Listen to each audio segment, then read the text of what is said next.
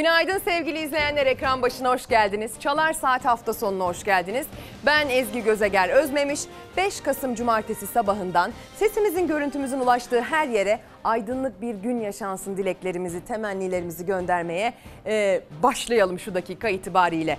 Çalar Saat hafta sonu için zil çaldı. Çalar Saat'in sesini duydunuz. Artık uyanma vakti.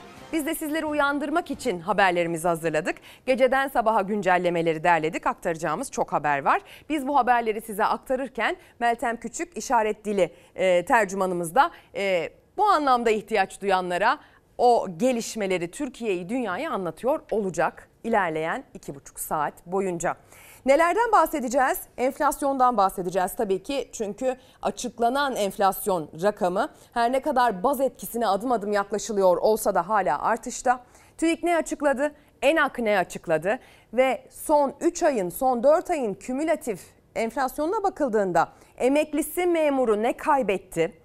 Bunlara da bakacağız ilerleyen dakikalarda. Siyasetten bahsedeceğiz. AK Parti'nin HDP'ye ziyareti çok tartışılmıştı. AK Parti'nin HDP ziyareti anayasa e, başlığı altında yapılan bu ziyarette e, AK Parti içinde de tartışmalar oluştu. Metin Külünk ses çıkarmıştı. Şamil Tayyar'dan da bir ses geldi. Biliyorsunuz CHP lideri Sayın Kılıçdaroğlu Londra'da neler yapıyor? Daha önceki Amerika ziyaretine kıyasla bakıldığında Londra ziyaretinde daha çok paylaşım yapıyor. Neler yaptığını açıklayan cümleleri ve paylaşımlarının daha fazla olduğunu görüyorsunuz ve kendisi Londra'dayken hakkında açılan bir soruşturma vardı burada. Dezenformasyon yapıyor dendi.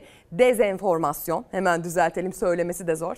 E, dezenformasyon yapıyor şeklindeki hakkında açılan soruşturmaya bu uyuşturucu iddiasıyla ilgili, kara para iddiasıyla ilgili Londra'dan bir yanıt verdi gece saatlerinde. Size onu da aktaracağız. Hatta Sayın Kılıçdaroğlu yine hamburger yedi. Bu kez adres İngiltere'ydi, Amerika değil. Bir fotoğrafla bunu da belgeledi. Onu da size e, taşıyor olacağız ekranlarınıza. Gazetelerden manşetlerimizi okuyacağız. Hangi gazete neyi görmüş? İzmir depreminden bahsedeceğiz. İzmir depremi üzerinden Türkiye'nin deprem gerçeğini ele almaya çalışacağız.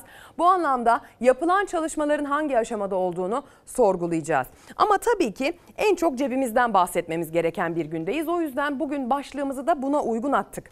Ama önce başlığımızdan bahsetmeden önce isterseniz öncelik sıramızda ilk sırada olan şehitlerimiz için başsağlığı dileğine gidelim ata ocaklarına.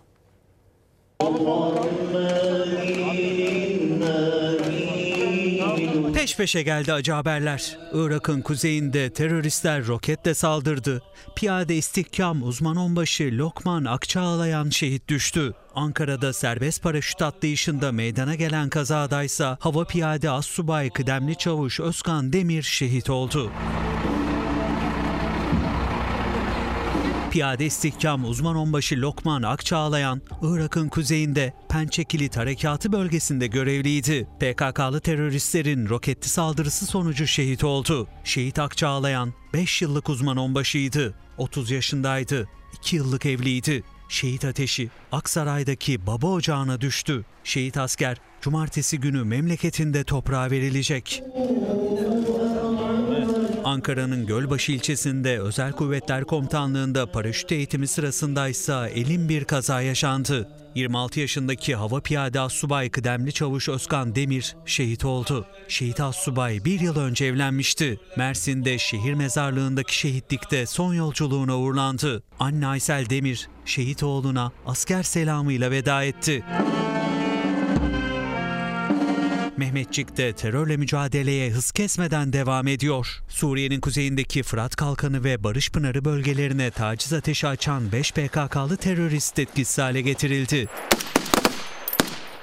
Yurt içinde de terör örgütü PKK'ya yönelik Amanoslar'da operasyon başlatıldı. Eren Abluka Sonbahar Kış 8 adı verilen operasyon Hatay, Osmaniye, Gaziantep ve Kilis illerini kapsıyor.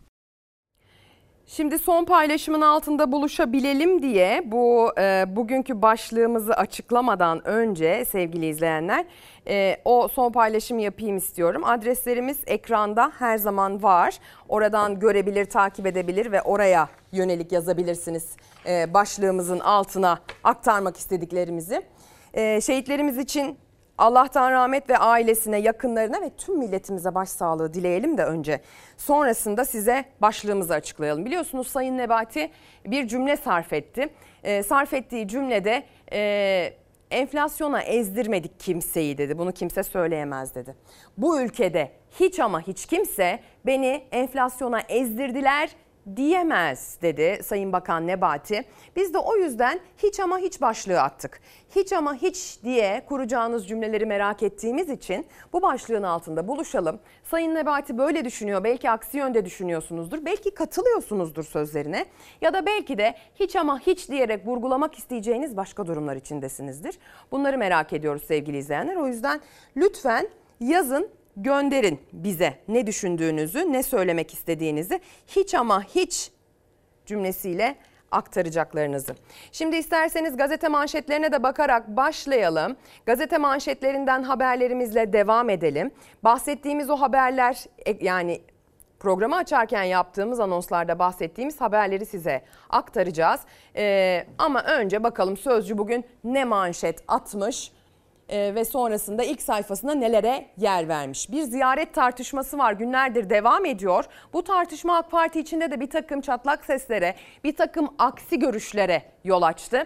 AKP'de tartışma yaratan ziyaret. Adalet Bakanı Bekir Bozdağ başkanlığındaki AKP heyetinin başörtüyle ilgili anayasa değişikliği için HDP'nin kapısını çalması parti içinde tartışma yarattı.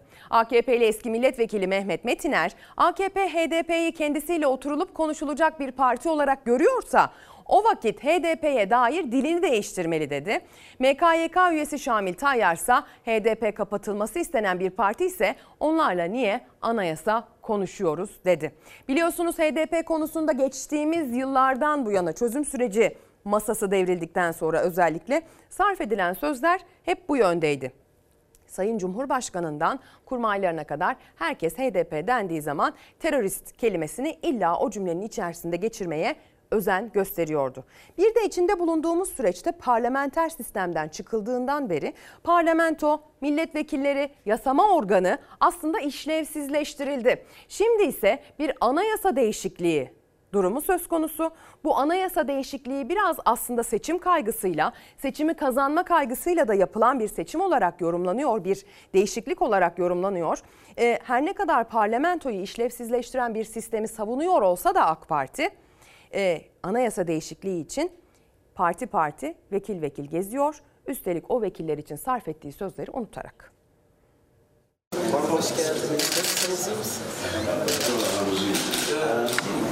Kendileri bu görüşmeleri yaparken hiçbir şey yok. Ama başka bir parti HDP ile temas kurduğu zaman vay işte bunlar dememiş mi PKK ile beraber. Yaptığımız hazırlığı mecliste grubu bulunan siyasi partilerin tamamına götürerek bu konudaki samimiyetimizi ortaya koyduk. Adalet Bakanı Bekir Bozdağ AK Parti yetkilileriyle birlikte HDP'yi mecliste ziyaret etti. E, Sayın Bahçeli ne diyecek Bekir Bozdağ bakalım? Cumhur İttifakı'nın terör örgütünün uzantısı olmakla suçladığı, kapatılmasını istediği HDP'ye anayasa değişikliğine destek için AK Parti heyetinin yaptığı ziyaret siyasetin gündeminde. Erdoğan samimiyetimizi gösterdik dedi. MHP lideri Devlet Bahçeli şimdilik sessiz. Şaşırtan tepki ise AK Parti MKYK üyesi Şamil Tayyar ve eski AK Parti milletvekili Mehmet Metiner'den geldi. PKK'nın siyasi uzantısı ve kapatılması gereken bir parti ise onlarla niye anayasayı konuşuyoruz? AK Parti'nin HDP ziyareti parti içinde ve partiye yakın duran isimler arasında yankı buldu bu kez. İlk olarak eski AK Parti milletvekili ve yazar Mehmet Metiner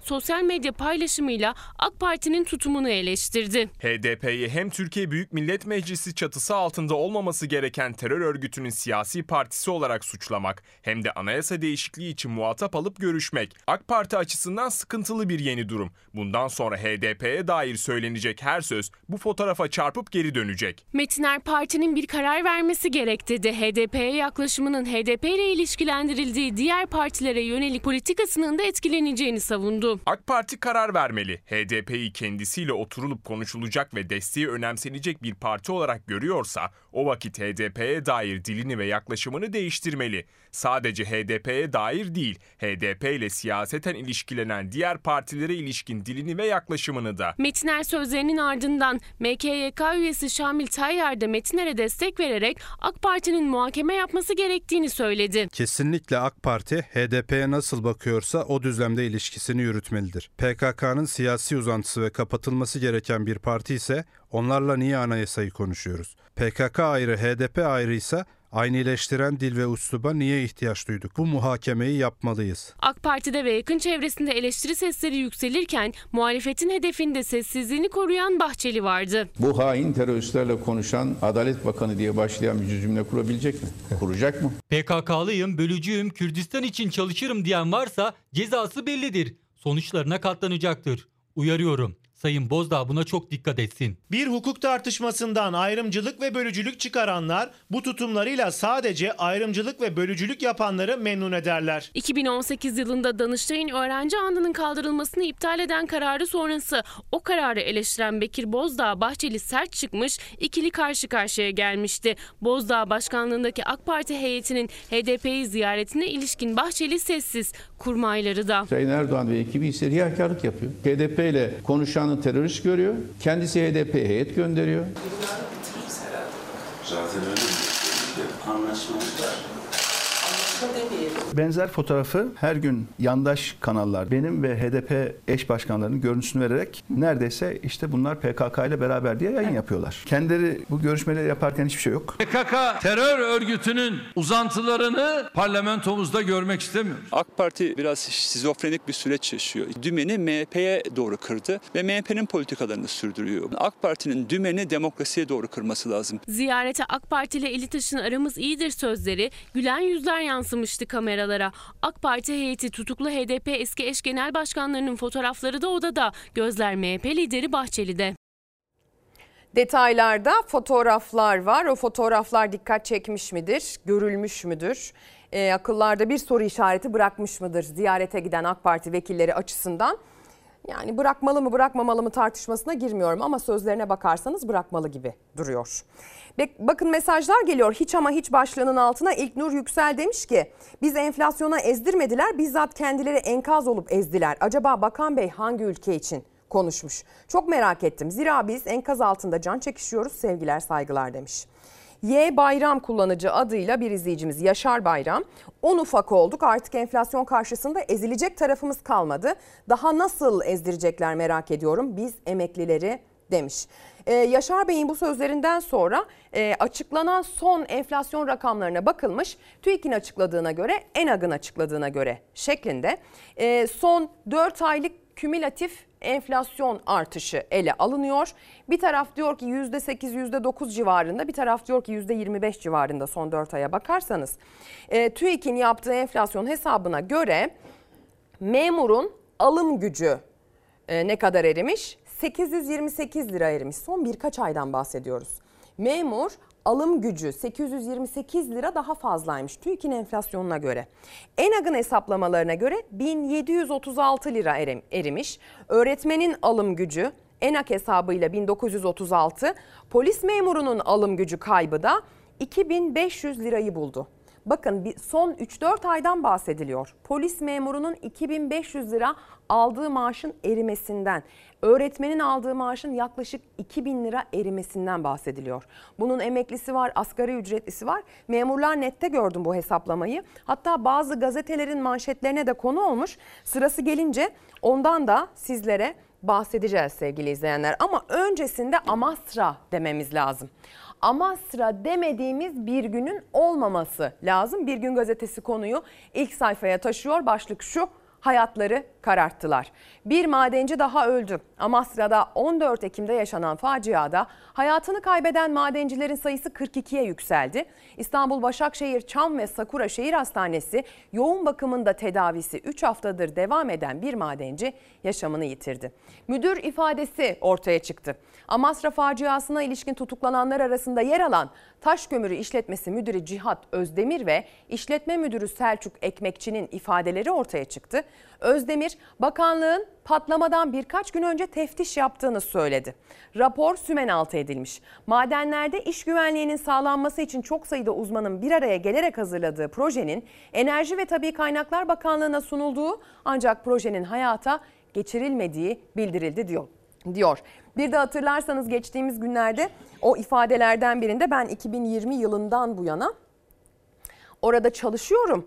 Ee, Yani çalışıyor görülüyorum ama hiçbir iş yapmıyorum diyen yetkililer de vardı. Artık neden ters düştülerse kızağı mı çektiler ne yaptılar ama bir şekilde maaş almaya devam ettiğini kendi ağzıyla söylerken aslında sorumluluktan kaçmaya çalışıyor. Yani ne tarafından tutsanız yine de olmuyor.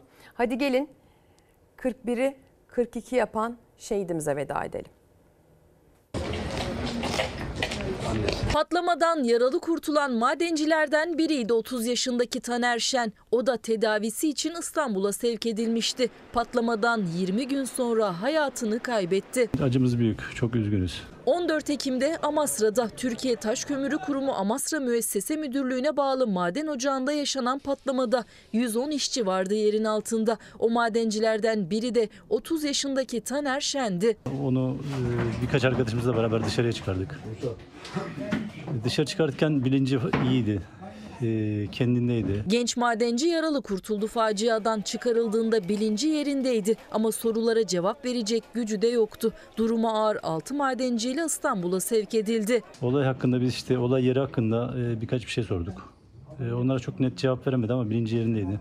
Durumu iyiyken ben bir daha ocağa girdim. Başakşehir Çam Sakura Şehir Hastanesi'nde tedavi görüyordu Taner Şen. Ailesi, arkadaşları günlerce ondan gelecek iyi haberi bekledi. Ancak 20 gün dayanabildi genç madenci. Hayatını kaybetti. Şen'in cenazesi Amasra ilçesine bağlı Gömü köyünde toprağa verilecek. Sizin hiç ama hiç diyerek kuracağınız cümleleri merak ediyoruz dedik. Ee, onların arasında tabii ki Amasra maden faciasında can kaybı e, konusunda da çokça mesaj var. Başsağlığı dileğini bir kez daha iletelim Amasra'ya. Bir madencimizin daha maalesef hayata tutunamadığını bildirmek zorundayız. Ee, 41 diyorduk haftalardır 42 demek zorundayız ama işte 42 deyip de geçince dile biraz kolay oluyor sevgili izleyenler. 42 dile kolay 42 tane yaşam, 42 tane hayat, evlat, eş, baba, hayaller, gelecek umutları. Yani maalesef biz hani bazı gerçeklikleri matematiksel olarak ortaya koymak zorunda kaldığımız için bu sayıları veriyoruz ama bunlar bir sayı değil, bunlar bir hayat. Bunlar insan aynı senin benim gibi kanlı canlı, etten kemikten, gece yattığında günün muhasebesini yapan, sabah kalktığında yeni günden umutları olan, beklentileri olan, çoluğunun çocuğunun bir gülümsemesini, bir kıkırdamasını gördüğü zaman içi sevinçle dolan, çoluğunun çocuğunun düşüp de dizi yara olduğu zaman içi acıyan, böyle senin benim gibi insanlar yani bunlar. Ama o kadar kolay geliyor ki onların ölümünden bahsetmek, onların ölümüyle ilgili herhangi bir önlem alınmaması, onların soruşturmasından çıkan skandallar. Sus pus herkes, kimse hiçbir şey söylemiyor. Olan yine onlara oldu. Geride kalanları oldu. Evlatları oldu. Anaları oldu, eşleri oldu. Yani karnında çocuğu olan gelinler kaldı ya geride. Güzel mesajlar geliyor evet. Hiç ama hiç dediğiniz mesajlar geliyor. Hiç ama hiç enflasyona ezilmemişiz güya canımız çıktı. Nefes alamaz hale geldik. Halkı hiç ama hiç görmüyorsunuz demiş. Doktor Aysel Yavuz gönderdiği mesajda. Sayın Nebati'nin söylemleri hiç ama hiç inandırıcı değil diyen mesajı Nevin Hanım göndermiş. Prematüre bebeğim var. Hayat şartları iyice dipte. Hiç ama hiç yetmiyor artık. Hiçbir şey kredi üstüne kredi çekiyorum. Sonra kara kara düşünüp nasıl ödeyeceğim diyorum diyor. Gül İnan göndermiş mesajı. Allah çocuğunuza sağlık versin, uzun ömür versin, mutlu, huzurlu bir hayat versin. Gelecek güzel günler ona gülümsesin. Ama evet prematüre bir bebek olduğu zaman ihtiyaçları da ona göre oluyor. E, maddi yükü de ona göre oluyor sevgili izleyenler. Hadi gelin Kemerköy'e doğru gidelim. Oradaki mücadele ve polis korumasındaki iş makinelerinin çalışması devam ediyor. Yıkamazsınız. Yıkamazsınız. Yine iş makineleri, yine iş makinelerine polis koruması. İstanbul Eyüp Sultan'a bağlı Göktürk'teki Kemerköy sitesindeki inşaata karşı verilen yürütmeyi durdurma kararına kaymakamlığın yaptığı itiraz mahkeme tarafından kabul edildi. İş makineleri yeniden yıkıma başladı. Hak, hukuk, Demirören Holding Ziraat Bankası'ndan çektiği yüklü krediye teminat göstermişti bu yeşil alanı. Borç ödenmedi, yeşil alan imara açıldı. İnşaat çalışmaları başladı. Kemerköy sitesi sakinleri dirense de fayda etmedi. İş makineleri kaymakamlık emriyle koruma altındaydı. 400 küsür bin metrekare yeşil alanı konuşuyoruz. Sadece burada değil, Kemerköy'ün diğer yeşil alanlarını da konuşuyoruz. O kadar vahşice gidiyorlar ki, ellerinde birikmiş o kadar toprak var ki, o kadar çok yeşili kazıdılar ki, İSKİ'nin duvarını yıkanlar, e, kapısını parçalayanlardan her şey bekliyoruz. Yeşil alana iş makinelerinin girebilmesi için dereyi bile kapattı inşaat firması çalışanları. İSKİ dereyi açsa da onlar durmadı. Bir inşaat firması yetkilisi kendisi de tepki gösterenlere işgalcisiniz dedi. Villaları yıkacaklarını söyledi. Peki sizin işgalinize ne demek Söyle. beyefendi? Bütün villalarınız tapulu alanın içerisinde. Hangisi Şimdi hepsi efendim? yıkılacak biliyorsunuz değil mi? Hangisi? Bütün hepsi oradaki villaların hepsinin havuzları, Evet. bahçeleri işgalde. Öyle mi? Evet. Ben yayın olarak buradan geçebilirim. Ay teli niye Beni de koymuşlar polis diyorum. durdurabilir. Tamam. Kadar. Arkadaşlar arabalar gelsin. Bunu kaybedecek vaktim yok. İSKİ iş makinelerinin geçişi için kapatılan dereyi açtı ama makinelerin geçişi durmadı. Bu yüzden İSKİ çözümü derenin etrafını demir parmaklıklarla kapatıp önüne beton bloklar koymakta buldu. Çünkü dereden geçiş devam eder ve derenin akışı kesilirse etraftaki binaları su basma riski var. Bu arkadaşlar burayı hiçbir şekilde dinlemeyip etrafından geçtiler ve her şeyi yıktık. Bunu da yıkarıza getirdiler. Taşeron e, firmanın yetkilisi bahçelerinizdeki işgalleri, havuzlarınızı da yıkacağız gibi. Ellerinde hiçbir plan yok. Hiçbir plan yok. Niçin nereyi yıktıkları, nereyi kazdıklarıyla ilgili de herhangi bir bilgi yok. İş makineleri sitenin girişinde yıkıma başladı. İnşaat şantiyesine yol yapmak için site duvarları yıkıldı.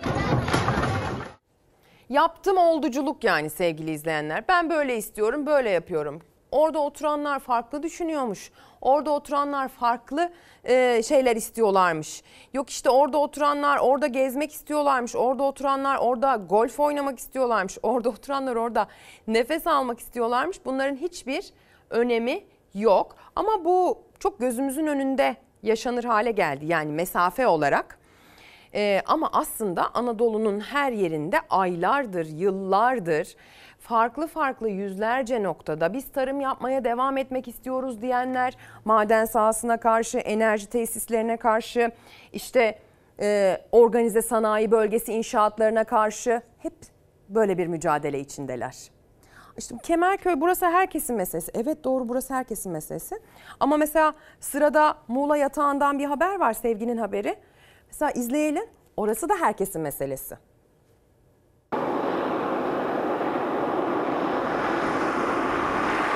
Ben en azından 10 senedir kronik hastasıyım. Hava kullanıyorum, hap kullanıyorum. Ne kanseriydiniz? Gırtlak kanser olarak gösterdiler. Derinmişti bakış orada gör.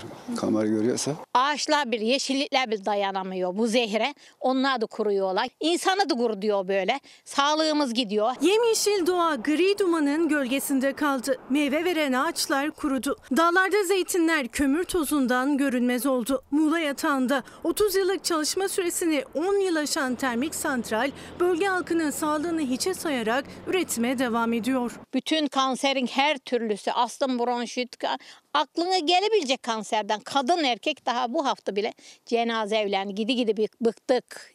Çok kanser vakası var mı? Var. Bir arkadaşımız vardı. Benden sonra oldu hemen öldü yani 3 ay içinde öldü. 40 yıl önce yatağının kalbine inşa edilen termik santrale verilen 30 yıllık süre aslında çoktan doldu. Ancak görüldüğü üzere süresi dolmasına rağmen santralin bacalarından dumanlar tütmeye devam ediyor. İşte bu zehirli gazlar canlılara rahat bir nefes aldırmazken doğanın da dengesini alt üst ediyor. Gece ve vakit zamanlarda e, filtrelerin devre dışı olduğu söyleniyor. Termik santralden emekli Cemil Gören'in iddiasını bölgedeki hava kirliliği ve artan kanser vakaları da destekliyor aslında. 56 yaşındaki İsmail Yüksel'de gırtlak kanseriyle uzun süredir mücadele ediyor. Bu testten olay çok yani. Filtre taktık diyorlar. Filtrenin hiç faydası yok yani. Saygıdeğer Cumhurbaşkanım diyorum.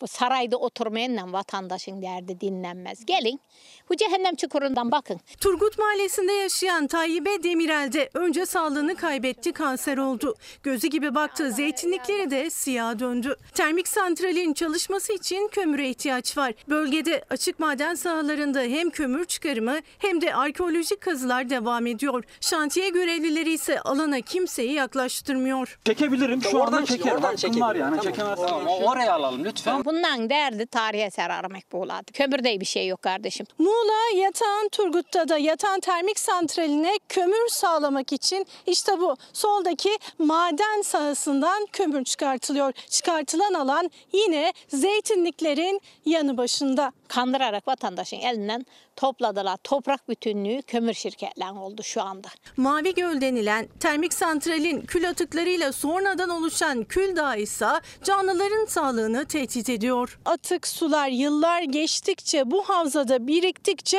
işte bu mavi göl oluşturmuş. Gölün turgaz rengi aldatıcı olsa da aslında bu sular zehirli. Zaten üzerindeki kül tabakasından belli. Cennet bahçesi gibi gözüken bu yer tamamen zehirli sularla dolu. Kuşların su içtikten sonra çırpını çırpına öldüğü bir alan. Muğla'dan maalesef çevre mücadelesine dair haberlerin ardı arkası son yıllarda kesilmiyor.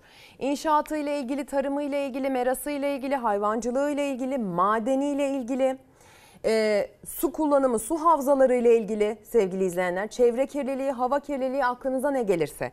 Sadece Muğla Büyükşehir Belediyesi'nin bugüne kadar hukuki mücadele vermek için çevre başlığı altında açtığı dava sayısı 135. İnanabiliyor musunuz?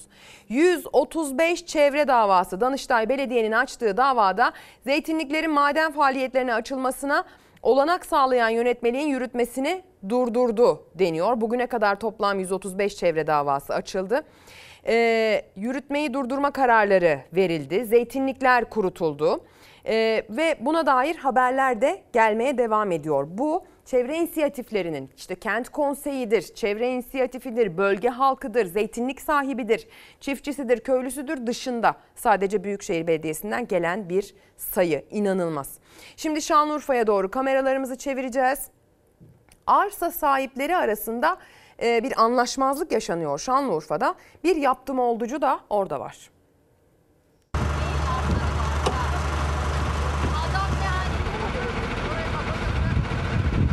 Yol kapalı tekrar geri döndüm. Sebebi nedir bunun? Sormadan yolu arsamın ortasına geçirmişler. Bak Türkiye Cumhuriyeti bana verdiği tapuya göre hakkımı savunuyorum. Yol iddialarına göre tapulu arsalarından geçince köylüler ayağa kalktı. Yola toprak döktü kapattı. Evine işine gitmek isteyenler neye uğradığını şaşırdı. Ya ben hayret kalıyorum ya bu insanlar nereye gidecek ya biz, biz evimiz var orada eşyalarımız var orada hayvanlarımız var orada biz ne yapacağız ne edeceğiz nereye gideceğiz? Şanlıurfa Ceylanpınar'da köylülerin iddiasına göre yolu tapulu arsaları arasında. Arsaların yol olmasını istemeyen 13 arsa sahibi yolu trafiğe kapattı. Toprakla trafiği durdurdu. Çevredekiler tepki gösterirken arsa sahipleri hakkını savundu. Ya sonuçta burası tapuludur. Tapulu malımızdır. Ama yolu buradan almış buraya getirmişler. Ondan dolayı biz de demokratik tavrımızı ortaya koyuyoruz. Eylemimizi gerçekleştiriyoruz. Haklı olarak. Ve yolu kapatacağız. Şimdi bir de e, medya mensuplarına 50 yıldır verilen, e, uzun yıllardır verilen e, ödüllere bakacağız sevgili izleyenler. Burhan Felek Basın Hizmet Ödülleri e, Gazeteciler Cemiyeti'ne ait sahiplerini buldu. 50 yıllık gazetecilik yapan 20 isim ödül aldı.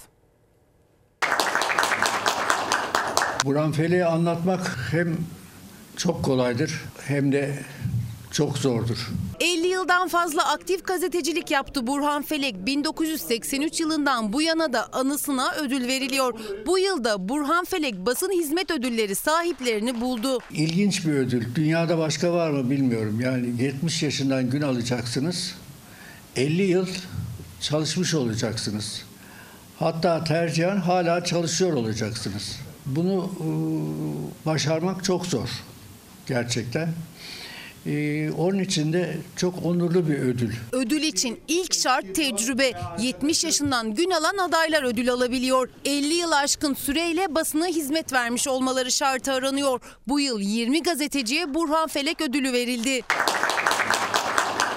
Basının önemli ve tecrübeli isimleri ödüllerini Türkiye Gazeteciler Cemiyeti'nden aldı. Bu meslekte 50 yılını tamamlamış çok kıymetli meslektaşlarımızla bir arada olmanın mutluluğu içerisindeyiz. Dün akşam saatleri itibariyle 23.30'da yine Fox ekranlarında orta sayfa açıldı. Ee, Doğan Şentürk moderatörlüğünde deneyimli birbirinden e, iyi gazetecilerin görüşleri yine orta sayfada izleyiciyle buluştu. Dün itibariyle bir millet bahçesi ve promosyon ilişkisi orta sayfaya damga vuranlardandı.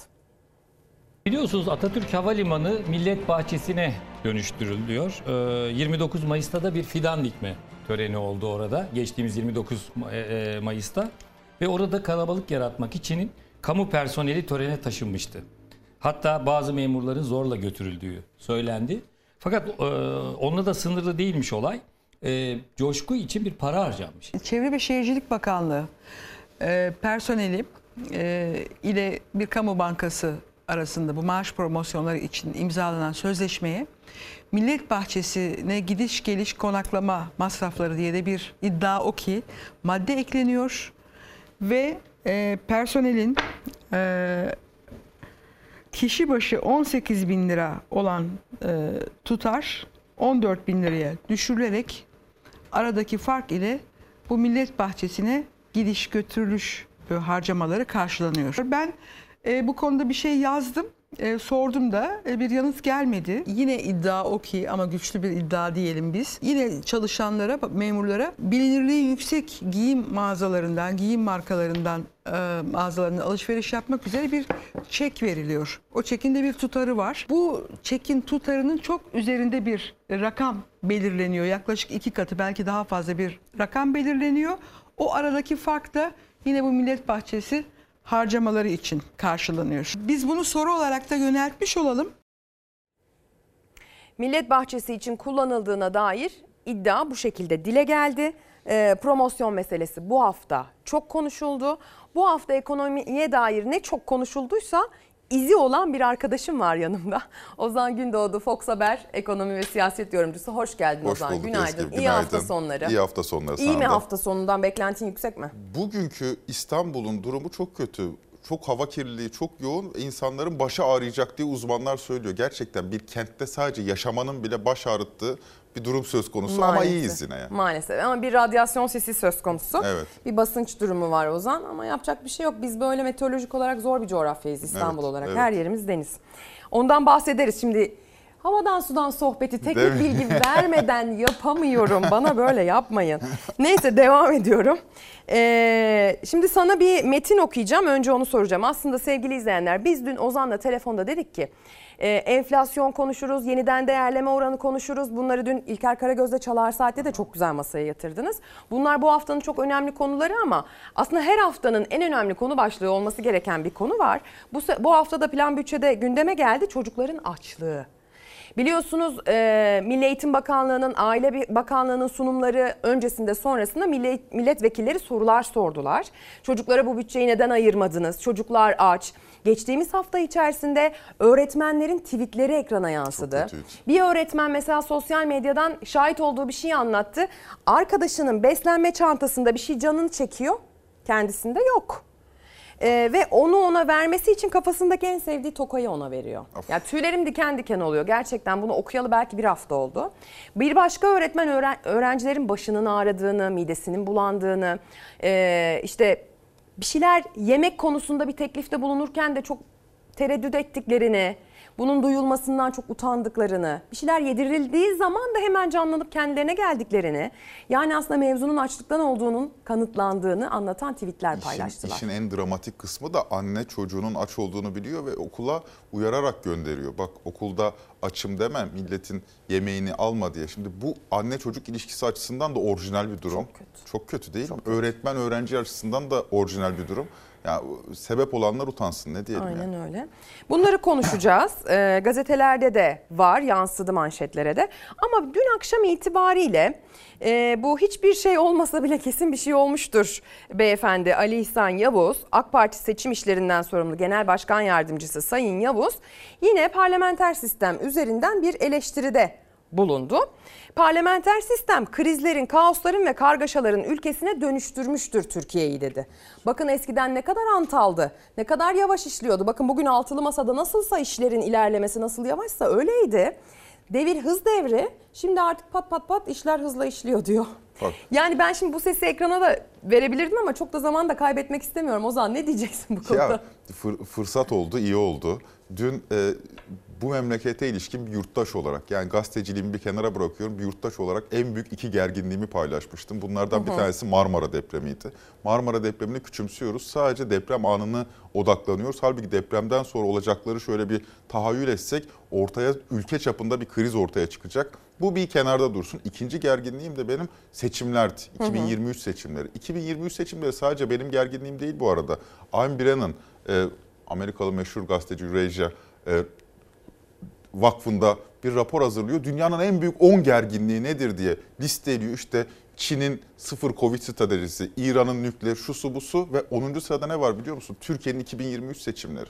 Şimdi neden bu kadar gergin? Dünyanın da yani Türkiye'nin bir de yani. Türkiye'nin 2023 seçimleri Ayn Brennan'ın Eurasia Vakfı'nın raporladığı rapora göre dünyanın en büyük 10 gerginliği içerisinde. Ya bunlar içinde Ukrayna-Rusya gerginliği Savaşı var. var. İşte Amerika'daki Trump'ın gelişmesi ve hepsi var böyle büyük büyük başlıklar. Bir de Türkiye'nin 2023 seçimi. Şu içinde yaşarken vaziyetin farkına varmıyoruz bazen. Balık misali deryadan içe ama vaziyetin Bir farkında de biz değil. çok kapalı yaşıyoruz. Ülke, ülkeden ülkeden ibaret ve bu ülkenin e, temayüllerinin, tahayyüllerinin böyle dünya çapında evrensel Tabii. olduğunu da düşünüyoruz. Buyur bunun, lütfen. Bunun, bunun bu gerginliği yaşamamızın sebebi sadece siyasilerin kişisel kimliklerinden ibaret değil. Sistemimiz de bu gerginliğin nedeni. Çünkü bütün yetkiyi gerçekten devlet batıracak, devlet kuracak bir yetkiyi biz tek bir kişiye verebiliyoruz. Bu kişinin adı önemli değil. A, B, C fark etmez. Ama bu sistemle her 5 yılda bir bu gerginliği yaşayacağız. Çünkü bütün yetkiyi el değiştirmek üzere kurulmuş bir sistem ve biz alışkın da değiliz bu sisteme. Benim gerginliğim şu Allah aşkına o kadar gergin bir toplum her türlü provokasyona açık hale gelmiyor mu? Bir de üzerine biraz da tecrübemiz var. Bak 7 Haziran 2015 seçimlerinden 2 gün önce 5 Haziran 2015 yer Diyarbakır Selahattin Demirtaş miting yapıyor. Mitingin ortasında bomba patladı. O gün bir şekilde verilmiş sadakamız varmış. Hiç istenmeyen olaylar yaşanmadı bombadan sonra. Bak bu kadar provokasyona açık bir rejim yaratıyorsunuz siz. Bütün yetkiyi tek bir kişiye topladığınızda. Ya Allah aşkına 5 yılda biz bir biz bunu yaşayacak mıyız ya? 5 yılda bir bu gerginlikle Bir de o yaşayacak. 5 yılda bir de olmuyor yani. En iyi ihtimalle bir yıl önce onun gerginliği E başlayacak. tabi aynen yani 5 yılda bir olmak üzere bir ya bu gerginlikle ekonomi de harekete geçemiyor. Sosyolojik hayat da harekete geçemiyor. Ya insanlar seçimden sonra çocuk yaparız diyorlar. Evet dün bu örneği verdin sabah. Gerçekten çok çarpıcı ya. Hani dükkan açayım, ticarete atılayım, işte işletmemi büyüteyim ya da ne bileyim fabrikam varsa işte yurt dışına açılayım değil. Çocuk yapamıyor. Tabii. ya. Ya bu nedir ya? Yönetici değişir gider bizim gündelik hayatımız devam eder. Bir, bir ülke seçime bu kadar odaklanır mı? Neden odaklanıyor? Çünkü bütün yetki bir kişide. Dediğim gibi o bir kişinin önemi yok. A mı B mi C mi? Ama ister- çok ağırmış, çok hantalmış eskisi. Bu hızlıymış Ya Ozan. bu hızlı da gerim gerim gerildik ya. Ali İhsan Yavuz Çok öyle hızlı demiş. doğru söylüyor. Yani yavaşlığı konusunda, hızlılığı konusunda hiçbir şüphe yok ama Eskisi kaosların, kargaşaların o ülkesine çevirmiş bizi. ne diyeyim ya? Ne, di- ne diyeyim? Şimdi sen çocuk örneği verdin. Evet. İnsanlar bence şu motivasyonla çocuk yapmıyor. İyi kötü ben de amatör sayılabilirim. Henüz Hı hı. 4 yaşında ve bir tane. Hı, Saymıyorlar çünkü 3-4 tane değilse yeterince anne de saymıyorlar. Ee, anladığım kadarıyla bu çocuk yapmanın önüne geçen e, ekonomik kaygıların başında nasıl okutacağım var. Nasıl okutacağım? Nasıl okutacağım? Çünkü artık biz çocuklarımızı bizim senin benim zamanında ki çok eski zamanlarda değil biz de öyle 60 yaşında değiliz yani. Ee, senin benim zamanımda bizim devlet okullarında ne bileyim Anadolu Lisesi'nde belki öğretmen lisesi fen lisesi kazanabildiysek o okullarda aldığımız eğitimin seviyesini ortalama seviyeyi yakalasın diye bugün insanlar ceplerinden kredi çekerek çocuklarını özel okullara gönderiyorlar. Yani e, özel okula gönderirkenki beklenti de bu. Yani ben işte yemiyorum, içmiyorum, gezmiyorum, e, e, giyinmiyorum. Bu parayı çocuğun okuluna veriyorum. Beklentin ne? Ortalama bir eğitim alması. Şimdi dolayısıyla çocukların da açlığını, çocukların beslenmesini, çocukların eğitimini de konuşalım istiyorum. Hadi gelin o manşetleri bir okuyalım. Bu çocuk açlığı meselesi birkaç gazetenin de ilk sayfasına bugün konu oldu. Ee, Pencere gazetesi çocuklar okula aç gidiyor biz Michelin yıldızıyla övünüyoruz başlığı altında bakın şöyle söylüyor. Anadolu'nun kutsal dörtlüsü buğday, zeytin, peynir ve yoğurt üzerine kitaplar yazan, Türk mutfağını dünyaya tanıtan siyaset bilimci Artun Ünsal bu kez yemek ve siyaset ilişkisini kaleme aldı. Artun Hoca benim lokantalarım kitabında yer alan 3-4 lokantanın yıldız almasına sevindiğini ancak okula aç giden çocukların olduğu bir ortamda insanların Michelin yıldızıyla övünmelerini anlayamadığını söyledi diyor. Bir başka gazete daha var mıydı yönetmenim? İrfan Tomak'in Cumhuriyet Gazetesi'ni getiriyor. Cumhuriyet Gazetesi'nde plan bütçenin e, Milli Eğitim Bakanlığı versiyonunda dündü biliyorsun evvelsi gündü. E, orada dile gelenleri e, büyük bir başlıkla ele almış. Açlığı küçümsedi deniyor. Doymak için su içiyorlar diyen muhalefete amma da abarttın tepkisi. Milli Eğitim Bakanlığı'nın bütçe görüşmelerinde muhalefet ve iktidar arasında açlık tartışması yaşandı. CHP'li Emine Güliz Emecan yoksul ailelerin çocukları aç kalıyor derken CHP'li Turan Aydoğan da bir çocuğun açlığını bastırmak için su içtiğini söylediğini aktardı. AKP'li İbrahim Aydemir'in amma da abarttın tepkisi dikkat çekti deniyor. E, açlık tokluk seviyesinde bir siyaset e, şey düsturu var böyle bir e, şey üslup var artık. Yani hani kuru ekmek buluyorlarsa demek ki onu yiyip doyuyorlardır şeklinde. İsterseniz e, şimdi bir reklama gidelim. Tamam. Sonrasında sadece e, plan bütçede Milli Eğitim Bakanlığı versiyonunda değil Aile Bakanlığı'nın bütçesi görüşülürken de bu konu evet, dile geldi. evet. Çocuklarımız aç sevgili izleyenler.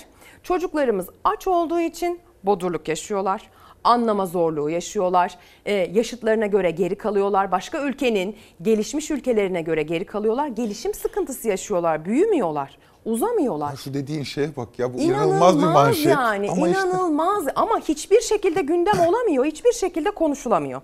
Dolayısıyla biz bu konuyu bugün biraz konuşalım istiyoruz. Son konuşulanlar üzerinden ama Ozan'ın da özel hazırlıkları var. Önce bir reklam sonra geleceğiz. Günaydın sevgili izleyenler. Bir kez daha ekran başına hoş geldiniz. Eğer ekran başına yeni geçtiyseniz e, hatırlatarak başlayalım. Konu başlığımızı aslında reklama gitmeden önce atmıştık Ozan Gündoğdu'yla. Çocuk açlığı üzerinden konuşacağımızı söylemiştik. Ozan biraz e, konuyu ete kemiğe büründürmek açısından e, bu anlamda yapılan desteklerin ne kadar karşılık bulduğunu sorguladığımız bir haberi ekrana taşıyalım. Yani bu konunun muhataplarından bir duyalım meseleyi sonra üzerine konuşacağız. Çocuklar açlıktan bayılıyor okullarda şu anda. Duyuyor musunuz, görüyor musunuz? Bu yalan değil, bizim uydurduğumuz bir şey değil. Öğretmenler diyor bunu. Evde beslenme çantasına koyacak yiyecek yok. Çocuğa harçlık verecek para yok. Yumurtanın tanesi olmuş 3 lira. Maalesef yani haftada iki kez verebiliyorum. Saat 3'e gelmiş olmalı yedikleri bir yumurta. Eşim zaten bir tekstil çalışan sigortası bile yok. Şartlı eğitime başvurduk. E-Devlet üzerinden kabul oldu işte ama yetersiz. Öğrenciler okula aç gidiyor eve aç dönüyor. Ayşe Akpınar'ın da yanında beslenme çantası koyamadığı çocuğunun ilk öğünü okul çıkışı yediği bu yumurta. Şartlı eğitim yardımı alan 2,5 milyona yakın çocuktan biri Ayşe Akpınar'ın kızı. Sosyal güvencesi olmayan aileler çocuklarını okutabilsin diye yardım alıyor Aile Bakanlığı'ndan. Aylık destekse 45 lira ile 75 lira arasında. Yani neredeyse günlük bir beslenme parası. Birçok öğrencinin durumu aynı. 6,5 milyon çocuk sadece yoksulluk değil, şiddetli yoksulluk çekiyor bu ülkede. Çocukların büyük bir çoğunluğunun okullarda aç ve susuz olduğunu görüyoruz. Çocuklarımızın tuvalet musluklarından su içmek zorunda kaldıklarını görüyoruz. Çocuklarımızın kantinlerden bir simidi bile alamadığını görüyoruz. Okullarda yiyecek içecek pahalı alabilen şartlı eğitim yardımı alıyor ama o da yetersiz. Okul kantininde satılan tost 20 lira. Bir aylık şartlı eğitim yardımı ise Akpınar'ın kızı için 50 lira. Yardımın iki şartı var. Ailede sosyal güvence olmaması ve öğrencinin okula devamsızlık yapmaması. Bu şartlarda okumaya çalışan öğrencilerin sayısı 2,5 milyona yaklaştı. Çok düşük de olsa o desteğe ihtiyaç duyan ama şartları sağlayamayan ailelerin sayısı ise çok daha fazla. Fazla. Çünkü özellikle asgari ücretliler çocuklarının beslenmesine para ayırmakta zorlanıyor.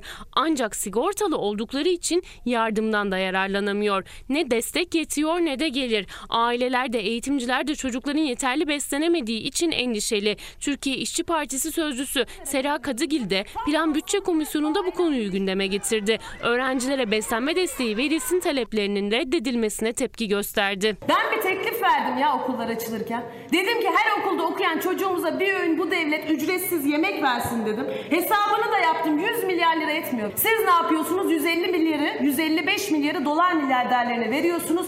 Çocuklar okulda aç kalmasın diye bir öğün yemek verecek bütçeyi onlara çok görüyorsunuz. Tip bu teklifi verdi. HDP bu teklifi verdi. CHP bu teklifi verdi. İyi Parti bu teklifi verdi. E, derin yoksullukla mücadele kapsamında Rüzgar Gülü projesi hazırladı.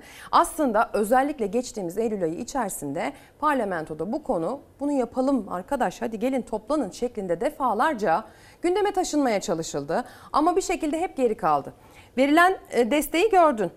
Ee, Aile Bakanı Sayın Yanık'ın plan bütçedeki sözlerini de duymuşsundur bu hafta diye tahmin ediyorum. Hı hı. Kendisi verilen yardımlar üzerinden devletin ne kadar kudretinin, gücünün, sosyal devlet olma yetisinin arttığını e, vurguladı. Yani biz çok fazla sosyal yardım veriyoruz, buna çok fazla ihtiyaç duyan insan var demek değildir biz çok güçlüyüz devlet olarak demektir. AK Parti'den önce bu böyle değildi şimdi bu böyle şeklinde bir takım rakamsal kıyaslamalar da yaptı ama mesela o milyonlar şeklinde ifade edilen şu kadar kişiye sosyal yardım veriyoruz şeklindeki sayılara mesela bu 45 lira 75 lira arasında değişen var. aylık yardım da var muhtemelen. Tabii.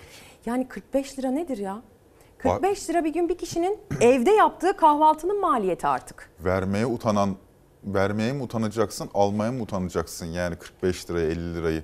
Gerçekten enflasyonla beraber bu sosyal yardımlar da tabii eridi. Şey açısından da ilginç tabii bu e, CHP'nin, İyi Parti'nin, HDP'nin işte diğer muhalefet partilerinin verdiği çocuklara yemek desteği verilsin, önerisinin reddedilmesini de ben açıkçası bu ortamda şaşırtıcı bulmuyorum. Çünkü düşünsenize 20 yıllık bir iktidarsınız ve 20 yılın sonunda çocuklara okullarda yemek dağıtalım diye bir öneri geliyor ve bu önerinin gerekçesi olarak çocuklarımız aç deniyor. Bu öneriyi kabul ettiğiniz anda neyi de kabul etmiş oluyorsunuz aynı zamanda? Bu memlekette çocukların aç olduğunu da kabul etmiş oluyorsunuz. İktidar tarafında da, iktidar cephesinde de bunu tümüyle reddeden, hayır canım olur mu? Bizim çocuklarımız toktur, gayet sağlıklı besleniyorlar, hiçbir sorun yok deme e, şeyi var, tavrı var. Orada bu noktada sağır kulakların üstüne yatmış durumdalar. Çünkü bunu görmek demek aynı zamanda büyük bir başarısızlığı da kabul etmek anlamına geliyor. Zaten iktidar cephesinde böyle bir sorun olmadığı varsayılıyor. Fakat tabii elimizde şöyle bir şey yok. Kaç çocuk aç? Böyle bir veri yok ama bu veriye ilişkin fikir veren bazı veriler var. Nedir? Mesela okullaşma oranı. Geçen sene bu zamanlarda enflasyon yani geçen sene eğitim öğretim yılı açıldığında enflasyon %10'ların üzerindeydi. %20 henüz değildi ve bu sert yoksulluk dalgası henüz yaşanmamıştı. Hatırlayın zaten Ekim ayı, Kasım ayı, Aralık ayı ile beraber enflasyon dalgası yaşandı. Çocuklarını okula gönderen aileler zorlu bir sezon geçirdiler ve şimdi bu sezona girerken herkesin gözü kulağı okullaşma oranındaydı. Acaba aileler çocuklarını okula göndermeye devam edebilecek mi? Fakat tablo burada zaten teşhir oluyor. Okullaşma oranında çok ciddi bir azalma var. Burada 4 artı 4 artı 4 sisteminin de etkisi var muhakkak. Bak e, veri vereyim. İlkokul düzeyinde okullaşma oranı %98.9'dan yani her 100 öğrenciden 98.9'u okula giderken bu sene bu rakam 93.1'e düşüyor. 5 puan birden azalıyor. Bunun anlamı birkaç yüz bin çocuğun, birkaç yüz bin çocuğun maddi yoksunluk nedeniyle okula gönderilememesi. Şimdi hiç konuyla alakası olmayan bir insana bunu dediğim zaman ya bu ülkede eğitim parasız değil mi der. Ama servis paralı, defter paralı, kalem paralı, o çocuğu kantine yollayacaksınız, bir simit alacak, bir ayran alacak, o paralı, o bile yok vatandaşın cebinde. Ne yapıyor? Çocuğu okuldan alıyor. Peki hangi çocuğu okuldan alıyor? Büyük ölçüde kız çocuklarını okuldan alıyorlar. Bak böyle e, çok çarpıcı veriler. İlkokulda 195 bin kız çocuğu, sadece kız çocuğu. Ortaokulda 298 bin, lisede 373 bin kız çocuğu normal şartlarda okula gitmesi gerekirken gidemiyor. Niye ilk kız çocuğu vuruluyor bu işten? Çünkü bir maalesef bizim Bu anlamda bir geleneklerimiz tırnak içinde geleneklerimiz var. Bir ikincisi sistem buna müsaade ediyor. 4 yıl oku diyor. 4 artı 4 artı 4 deniyor. 4 yıl oku ondan sonra açık öğretime gönder. Hem çalışsın hem okusun. Bir de şöyle oluyor kız çocuğu tercihi yapılırken bu da bir etken. Sadece Hı hı. bu demiyorum ama e, evde hasta vardır, Evet. evde küçük kardeş vardır, evde yapılması gereken iş vardır, anne çalışıyordur, yetişemiyordur. Ya hem o işi de halleder gibi de bakılıyor. Biraz evdeki Maalesef. o görünmez iş gücüne de erkenden dahil ediliyorlar. E, yani bu konu bir şekilde gündeme olmuyor Ozan. Yani biz 100 yıllık bir cumhuriyetiz artık bugün itibariyle. 100 yıl önce bu ülke kurulurken bu meseleler hedefteymiş ve bu konu çözülmüş. Bak sen diyorsun ki 100 çocuktan 98,9'u, 99'u okula gidiyorken şimdi artık bunun düşmesinden bahsediyoruz. Yani bizim bu tehlikeli bir şey değil mi ya? İnanılmaz yani bundan bahsediyor olmamız. Ortalığın yıkılması, dünyanın başımıza çökmesi e, ve bu dehşete kapılıyor olmamız lazım bu konu karşısında. Yani çocuklar nasıl aç gider ya? Ya bak- nasıl çeşme suyu içer ya? Bir yandan da tabii cumhuriyetçilikle bu işin ne ilgisi var diye sorabilir ama cumhuriyet felsefesine de bu aykırı. Ya biz eşit yurttaşlık temelinde kurulmuş bir ülkeyiz. Geçen hafta hatırlasana kitleri konuşurken şeker fabrikalarının doğuş fikri niye canlanmıştı? Bir ishal salgını olmuştu ve çocukların şekere ihtiyacı vardı. Fakat şeker ithal edilirken zorlanılıyordu. O zaman denildi ki 1925 yılında ya kardeşim biz bir şeker fabrikası kuralım. Böyle salgın dönemlerinde çocuklarımız mağdur olmasın. Bu anlayış üzerine kurulmuş bir cumhuriyetin evlatlarıyız. Cumhuriyet'in ilk fabrikalarından Sümerbank'ın fabrikasında yine o haberlerden birinde öğrendik. Ee, kreş vardı. Kreş var. Yani bu hem o çalışan annenin çocuk yapmasını teşvik edecek bir şey, hem o çocuğun okul öncesi eğitime başlamasını teşvik edecek bir şey. Yani inanılmaz yani şu an biz kreş yok kadın istihdamı düşüyor diye tartışır hale geldik yine mesela bu da çok şaşırtıcı tartıştığımız konulardan Öyle tuhaf biri. ki ben açıkçası her fırsat bulduğumda bunu söyleme ge- gereği duyuyorum. Bir ulus, bir millet bunlar ulus, millet bunlar soyut kavramlar ama o soyut kavramın halk tarafından, toplum tarafından kabul edilmesi gerekir.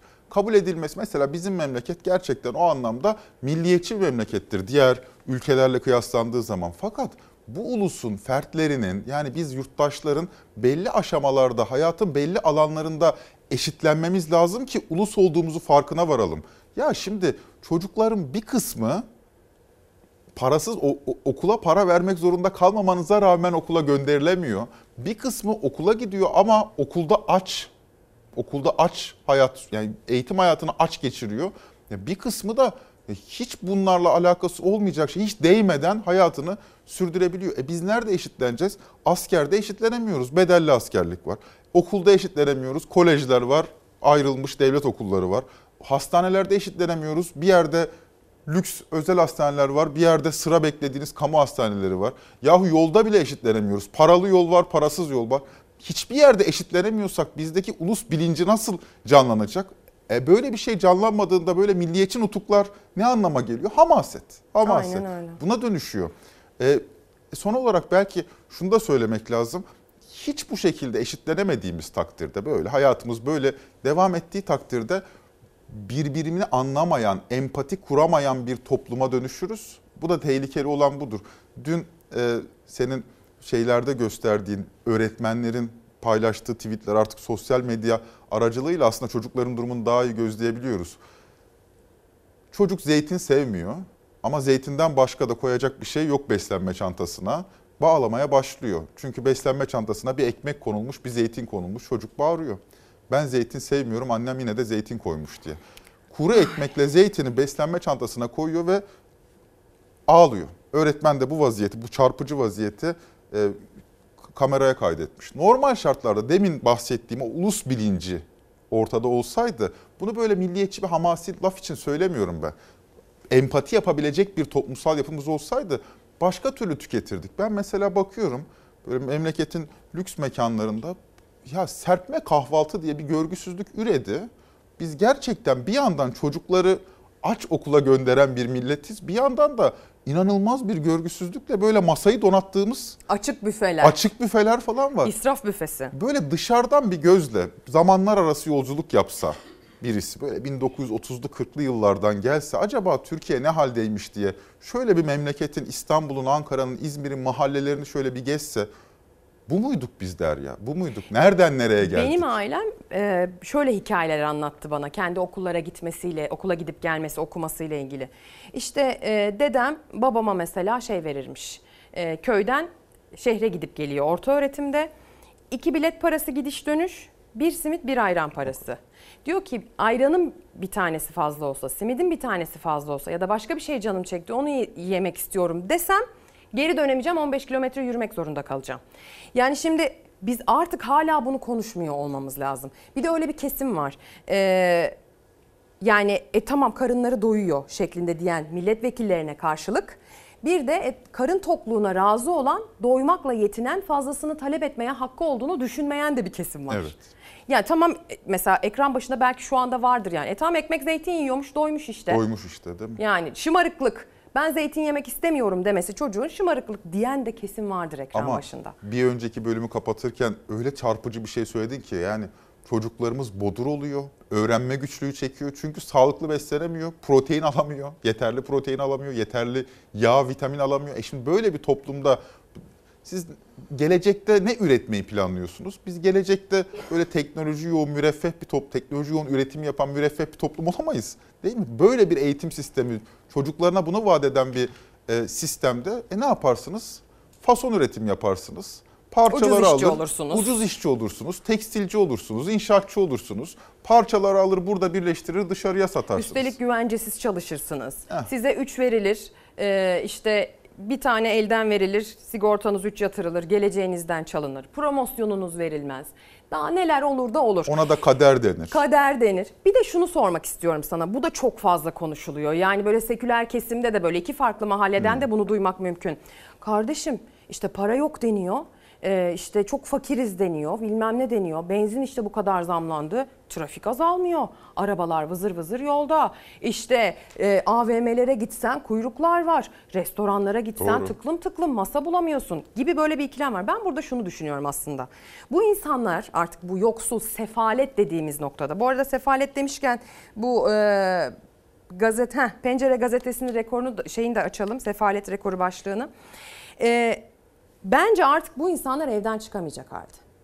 Evden çıkamayacak halde oldukları için de bu sefalet sokaklarda, restoranlarda, AVM'lerde varlık gösteremediği için, arada müthiş bir uçurum olduğu için, bu durum bir tarafı çok zengin hale getirdiği için gördüğünüz kalabalıklar aslında kodamanlaşanlar ya da orta kesimde kalmaya zorla tutunanlar. Yani çok az bir orta direğimiz kaldı ya.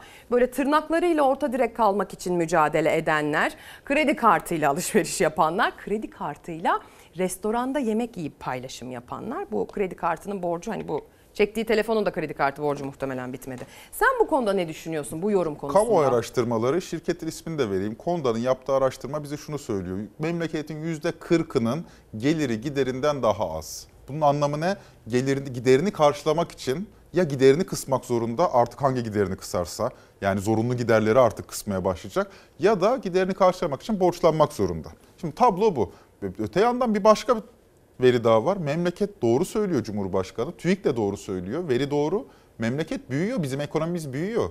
Zaten ilginç olan bu dönemde yaşadığımızın ilginç olmasının sebebi o. Gerçekten büyüme rekorları kılınıyor Türkiye'de. Ama bu büyümeyi kim nasıl paylaşıyor? aynen. O anlamda memleketin ana damarlarında kan akıyor da kılcal damarlara kan gitmiyor. Yani bir para var memlekette fakat o parayı tabana yayabileceğimiz bir sistem yok. Akmıyor, aşağıya akmıyor. Gerçekten şahit olduğum için tuhafsıyorum zaten. Tek kalemde 40-50 daire birden alıp bu parayı bir yatırım aracı olarak gayrimenkule gömen insanlar var bu memlekette. Çok hızlı zenginleşen, çok hızlı zenginleşen yüzde üçlük, dörtlük bir zümre var. Ve dolayısıyla aslında bir kriz görüntüsüdür bu. Türkiye'nin en lüks AVM'lerinin dolup taşıyor olması, en lüks mekanlarını şöyle bir gezelim, İstinye Park'a gidelim, Nişantaşı'na gidelim. Gerçekten mekanlar ağzına kadar dolu. Ama tuhaf bir şey söyleyeyim. Marka adı vermiyorum ama vatandaş ben dediğim zaman anlar. Lüks otomobil markaları vardır. Bir de böyle emekçi kesimlerin satın aldığı otomobil markaları vardır. Öyle ilginç bir tablo var ki lüks otomobil markalarının satışları hızla artıyor. Daha ortalama, daha avaraj otomobillerin satışları sert şekilde azalıyor. Esnafa gidiyorsunuz, Nişantaşı esnafı mutlu ya da zengin varlıklı bir muhitin esnafı mutlu ama senin dediğin orta direk veya yoksul mahallelerdeki esnaf kan ağlıyor. Niye? Müşteride para yok. Öyle sert şekilde ikiye ayrılmış ki Evet, memleket. uçurum, uçurum. Uçurum, top- Her yer uçurum. Bundan bahsediyorum işte. Yani demin de dedim ya ulus olma bilincini nasıl kazanırsınız? Bazı yerlerde eşitlenmeniz lazım. Ya memleket sadece politik anlamda değil, ekonomik anlamda da karpuz gibi ikiye ayrılmış durumda. Birisinin birisi diğerinin yaşadığına kör, diğeri diğerinin yaşadığına kör. Millet de şöyle düşünüyor. Ya diyor Allah Allah herhalde memlekette böyle şeyden bakıldığı zaman zengin varlıklı muhitlerden bakıldığı zaman ya diyor ne kadar pahalı oldu artık bizim serpme kahvaltımız. Acaba asgari ücretle geçinen ne yapıyor? Ya asgari ücretle geçinen dediğiniz insanlar bu ülkenin yarısı be. Yani öyle küçük marjinal bir, de azınlık olsa Resmi rakamlara göre yarısı. yani evet. Yani bir de bunun kayıt dışısı var. Asgari ücret çeperinde ücretlendirileni var falan dedim mi? 80'e vuruyor. %80'e E tabii. vuruyor. Ya hadi bu, burada emeklilere bir ufak dokunmak lazım. Türkiye'de artık medyayı, gündemi büyük ölçüde sosyal medyada belirler hale geldi. Sosyal medya taarruzu var. Maalesef emekli yurttaşlarımız sosyal medyayı diğer yaş grupları kadar etkin kullanamıyorlar. O yüzden emeklilerin sorunları hak ettiği yeri bulamıyor. 3500 lira emekli aylığı deniyor bak. 3500 lira. 3 öğün ekmek yediğiniz zaman ayda 360 lira para verirsiniz. %10'unu 3 öğün ekmek yese bir vatandaş parasının %10'una ekmeğe veriyor. 3500 liraya ne halde yaşadıklarına ilişkin acaba bir fikrimiz var mı? Yok. Ne yapmak zorunda kalacağız böyle giderse? Böyle giderse şu olmak zorunda kalacak. Ha, toplumun toplum karpuz gibi ikiye ayrıldı ya. Yaşlıları da görmeyeceğiz. Sokakta yaşayan yaşlılar olacak. İleriki yıllarda şimdiden başladı verilerini görüyoruz. 70-75 yaşında kasiyerler göreceğiz. 80 yaşında taksiciler göreceğiz. 60 küsür yaşında inşaat işçileri göreceğiz. Var, Ya- var, Var var. zaten. Başladı zaten. Var zaten. Var. Ve bu toplum bir süre sonra huzur evi talep etmeye başlayacak. Çünkü bu kadar emekli insanın barınma sorunu ortaya çıkacak. Ya biz bizim konuştuğumuz şeye bak. Çocuklara yemek dağıtamıyoruz. Var aç yani ve bu bizim toplumumuz ve kültürümüz açısından da değerlendirildiğinde ya işte çocuklar aç diyorsunuz da işte sokaklar arabalarla dolu AVM'lerde kuyruk var. Bir kere zaten bir nüfus sayımı yapsan yarısı Türk değil bu arada alışveriş yapanların. Evet evet o da var. Ee, öyle bir durum da var. Ee, ama netice itibariyle biz kültürel olarak açım diyebilen bir ülke değiliz. Sen az önce söyledin. Çocuğunu tembih ediyor okula giderken açım deme de ele güne rezil olmayalım diyor. Bizde bir el gün el alem mevzusu vardır ya çok baskın. Aynen. Yani dolayısıyla bizim insanımız ar eder. Bunu ar etmesi gereken Evet. bir konu zanneder. Aman sus. Aman sus duyulmasın, aman idare edelim der. Ee, ve bu konu çok ölçülebilir bir konu değildir. O yüzden e, bu Twitter'da öğretmenlerin paylaştıkları ya da işte her partinin az önce tek tek saydım. Mesajlar da geliyor bu arada.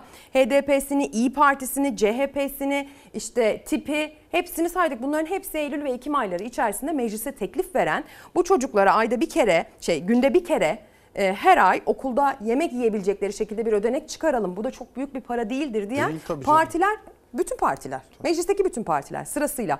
Bunun için özel proje yapanlar var, e, bunun için özel teklifler sunanlar var ama bunlar kabul edilmiyor ve bunların kabul edilmemesi de kimsenin umurunda değil. Eğer bugün bu e, düzenlemeyi yapıp da bundan birkaç ay sonra, 6 ay sonra, 7 ay sonra yapılacak seçimde sonuç alacağını bilse bence iktidar o zaman okey diyebilir. O işte dediğim gibi bence iktidarın çekincesi de o. Yoksa bu kadar küçük bir parayı ve bu kadar küçük bir organizasyonu devlet bizim Türkiye Cumhuriyeti Devleti karşılayabilecek durumda. Neden karşılamıyorlar? Çünkü bu tip bir teklifin kabul edilmesi halinde büyük bir başarısızlığı da kabul etmiş oluyorsunuz. Yani 20 yıldır iktidardasınız. Normalde bizim iktidarlar 2-3 yıllık iktidarlar olduğu için onun bir avantajı oluyordu. Krizi kabullenip bir önceki hükümete atabiliyorlardı suçu. Şimdi- yani şu anda şu öyle bir şey yok. Yani bizden öncekiler Ecevit'in suçu rahmetli bugün de ölüm yıl dönümü. Evet. Yani şu anki hükümet şunu diyemez yani bizden önceki hükümetin suçuydu diyemez. Çünkü 20 yıl olmuş. Cumhuriyet 100 yıldır var. Her 5 yılın birinde siz iktidarsınız. Dolayısıyla bugünkü sorunların neredeyse tümünü birden omuzunuzda hissetmeniz gerekir. Bu zamana kadar çeşitli bahaneler bulunabilir. İşte biz iktidar olduk, hükümet olduk, iktidar olamadık diyorlardı. O bunu yaptırdı. E onlar da kalmadı artık. Bak bütün engeller de bu anlamda aşıldı. Belki de Sayın Bahçeli'nin teklif etmesi gerekiyor. Ha belki yani, de ha, kabul belki belki için. öyle olursa yani Sayın Bahçeli gerçekten şeyi de görevden aldırabildi. E, Grup Başkan Mahir Vekili Ünal'ı. O anlamda kudret sahibi bir genel başkan. Belki Devlet Bahçeli çocuklar için bir teklif verirse belki iktidar Buradan biraz daha kendisine seslenelim bari. biraz yani. daha farklı bir e, şeye girebilir. Evet, yola evet girebilir. gerçekten öyle. Çok can yakıcı bir konu. Ee, bunu böyle unutturmamak gerektiğini düşünüyorum. Kesinlikle çok iyi Geçtiğimiz yapıyoruz. hafta şöyle bir üzerinden geçtik ama biraz bence burada bir duraksamalıydık diye düşündüm hı hı. ve sunduğun katkıda çok çok kıymetliydi Ozan. Çok teşekkür, Teşekkür, ediyorum. sağ ol. Ee, şimdi promosyon meselesiyle devam edeceğiz. Çünkü geçtiğimiz haftanın da inanılmaz konuşulan konularından bir tanesiydi. Biliyorsunuz promosyon verildi, verilmedi, emekliye ne kadar verildi, memura ne kadar verildi. İşte polise ay ay veriliyordu, haberler yaptık, gündem oluşturduk. Polis bu konuda bir çözüme kavuştu. Ama özel sektöre baktığınız zaman alamayan çok fazla. Neden alamadıkları da aslında ortada. Banka promosyonu aldınız mı? Hayır. Siz şu an biliyor musunuz sizin banka promosyonunuz nerede? Ben şu an bilmiyorum. Çalışanların hakkı olarak işletmelerin bir kısmı bunu görmüyor.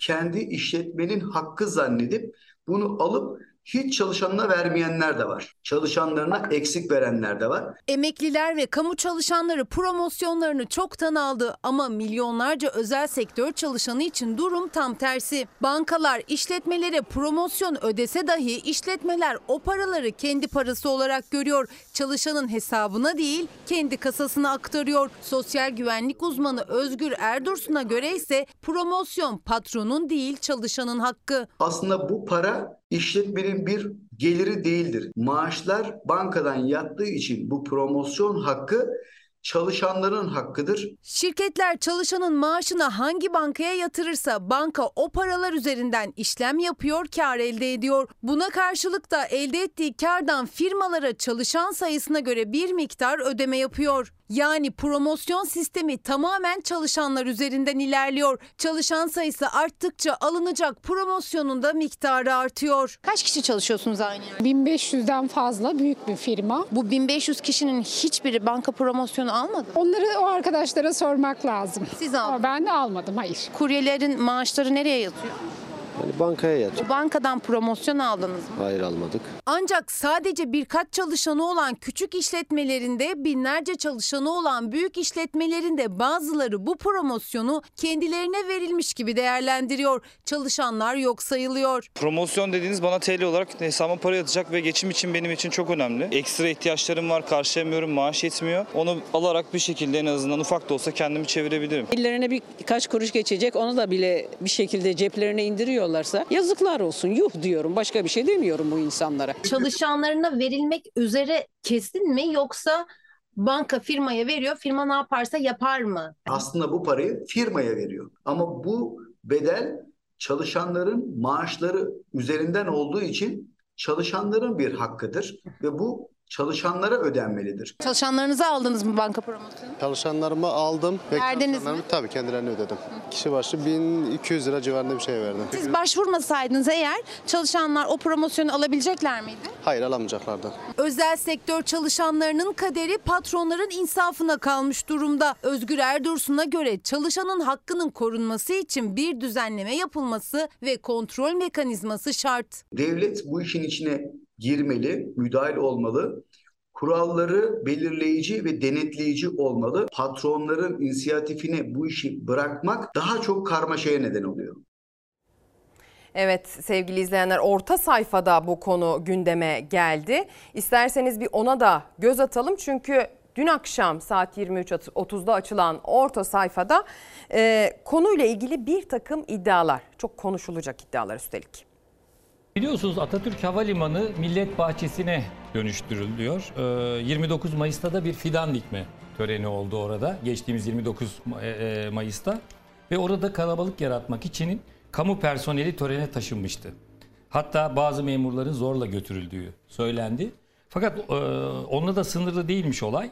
E, coşku için bir para harcanmış. Çevre ve Şehircilik Bakanlığı e, personeli e, ile bir kamu bankası arasında bu maaş promosyonları için imzalanan sözleşmeye Millet Bahçesi'ne gidiş geliş konaklama masrafları diye de bir iddia o ki madde ekleniyor ve e, personelin e, kişi başı 18 bin lira olan e, tutar 14 bin liraya düşürülerek aradaki fark ile bu millet bahçesine gidiş götürülüş e, harcamaları karşılanıyor. Ben e, bu konuda bir şey yazdım. E, sordum da e, bir yanıt gelmedi. Yine iddia o ki ama güçlü bir iddia diyelim biz. Yine çalışanlara, memurlara bilinirliği yüksek giyim mağazalarından, giyim markalarından e, mağazalarına alışveriş yapmak üzere bir çek veriliyor. O çekin de bir tutarı var. Bu çekin tutarının çok üzerinde bir rakam belirleniyor. Yaklaşık iki katı belki daha fazla bir rakam belirleniyor. O aradaki fark da yine bu Millet Bahçesi harcamaları için karşılanıyor. Biz bunu soru olarak da yöneltmiş olalım. Böyle bir soru yöneltildi. Bu soruya bir cevap gelecek mi, gelmeyecek mi? Bu mesele sorgulanacak. Ana Haber'de izleyebilirsiniz bu akşam saatlerinde. Bu konu daha çok su götürecek. Ee, başlığımız bugün hiç ama hiç. Biliyorsunuz başlığımızdan esinlendiğimiz isim Sayın Bakanımız Nebati. Ee, dedi ki hiç ama hiç kimse beni enflasyona ezdirdiler diyemez dedi Sayın Nebati. Siz de hiç ama hiç başlığı altında mesajlar gönderiyorsunuz. Ee, günaydın Ezgi kuzum demiş Müşerref Kale. Hiç ama hiç ağzımızın tadı kalmadı. Biz emekliler perişan olduk diyor gönderdiği mesajda. Ruhi Bey yine ekran başında önümüz kış. Son iki senede elektrik ve doğalgaza %700 civarında zam geldi. Evler 5 kat, yiyecekler 7-8 kat pahalandı. İki sene içinde aynı işi yapmasına rağmen maaşı 7-8 kat artmayan herkes enflasyon karşısında ezildi.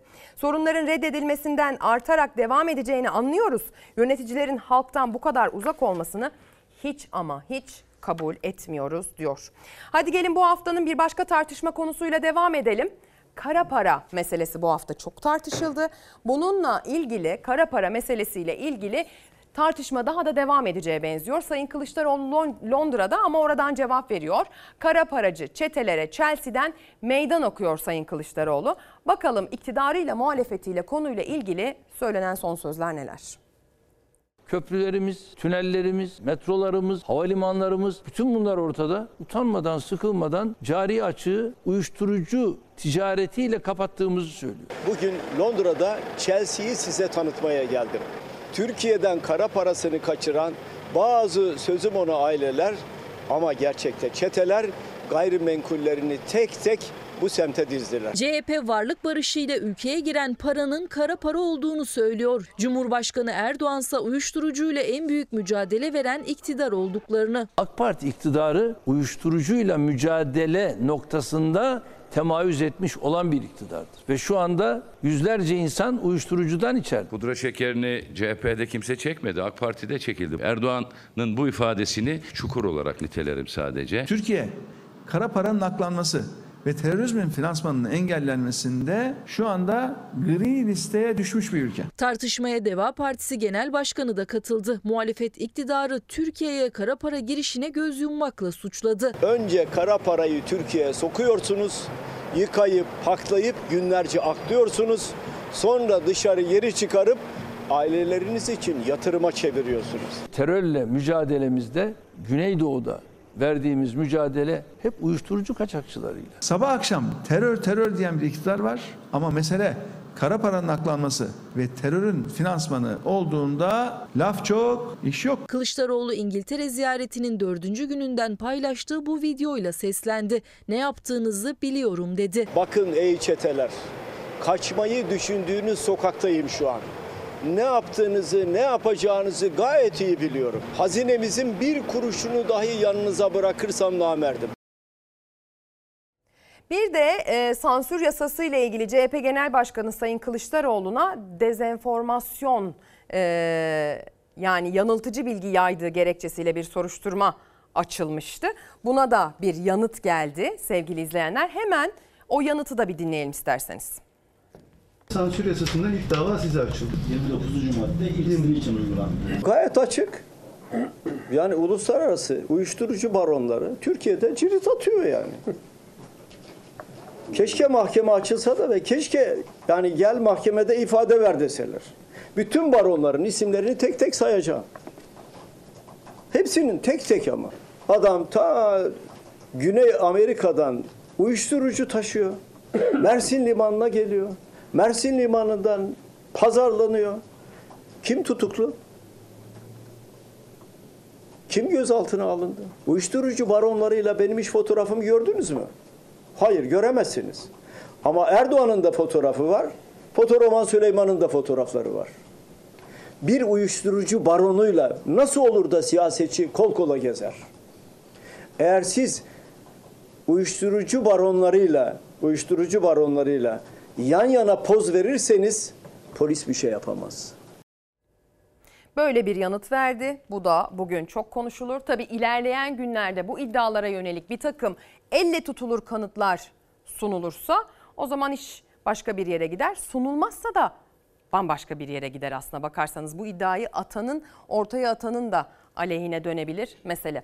Karar gazetesiyle devam edelim. Karar gazetesi Kılıçdaroğlu'nun Londra ziyaretinde e, sarf ettiği sözleri ilk sayfadan veriyor. E, attığı adımları e, gündeme taşıyor. Kısır siyaseti boş verin. Dördüncü devrime bakın. Yenilikçi teknoloji yatırımcılarıyla görüşmeler için İngiltere'ye giden Kılıçdaroğlu, Londra'da eğitim gören Türk öğrencilerle bir araya geldi. Sorunları dinleyen CHP lideri çözüm önerilerini aktardı. Kılıçdaroğlu sosyal medya hesabından gençlere video mesajla seslendi.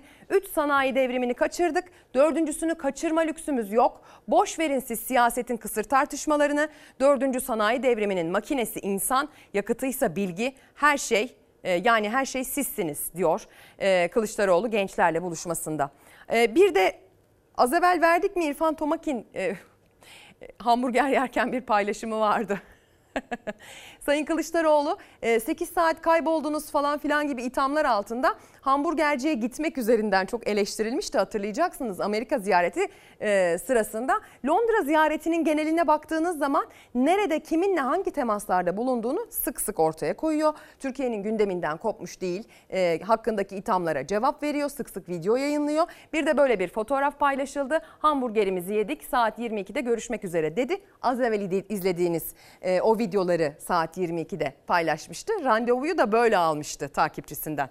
Devam edelim Karar Gazetesi ile. Karar Gazetesi'nin manşetinde Sayın Babacan var. Sayın Babacan Karar TV'de bir yayına katıldı. Sarf ettiği sözler yine gündem belirledi. Biz de bir kuple hatta size dinleteceğiz. Temel haklarda oylama olmaz. Karar TV'de konuşan Babacan, iktidarın seçim öncesinde referanduma götürmeye hazırladığı başörtüsüne anayasal güvence konusunu değerlendirdi.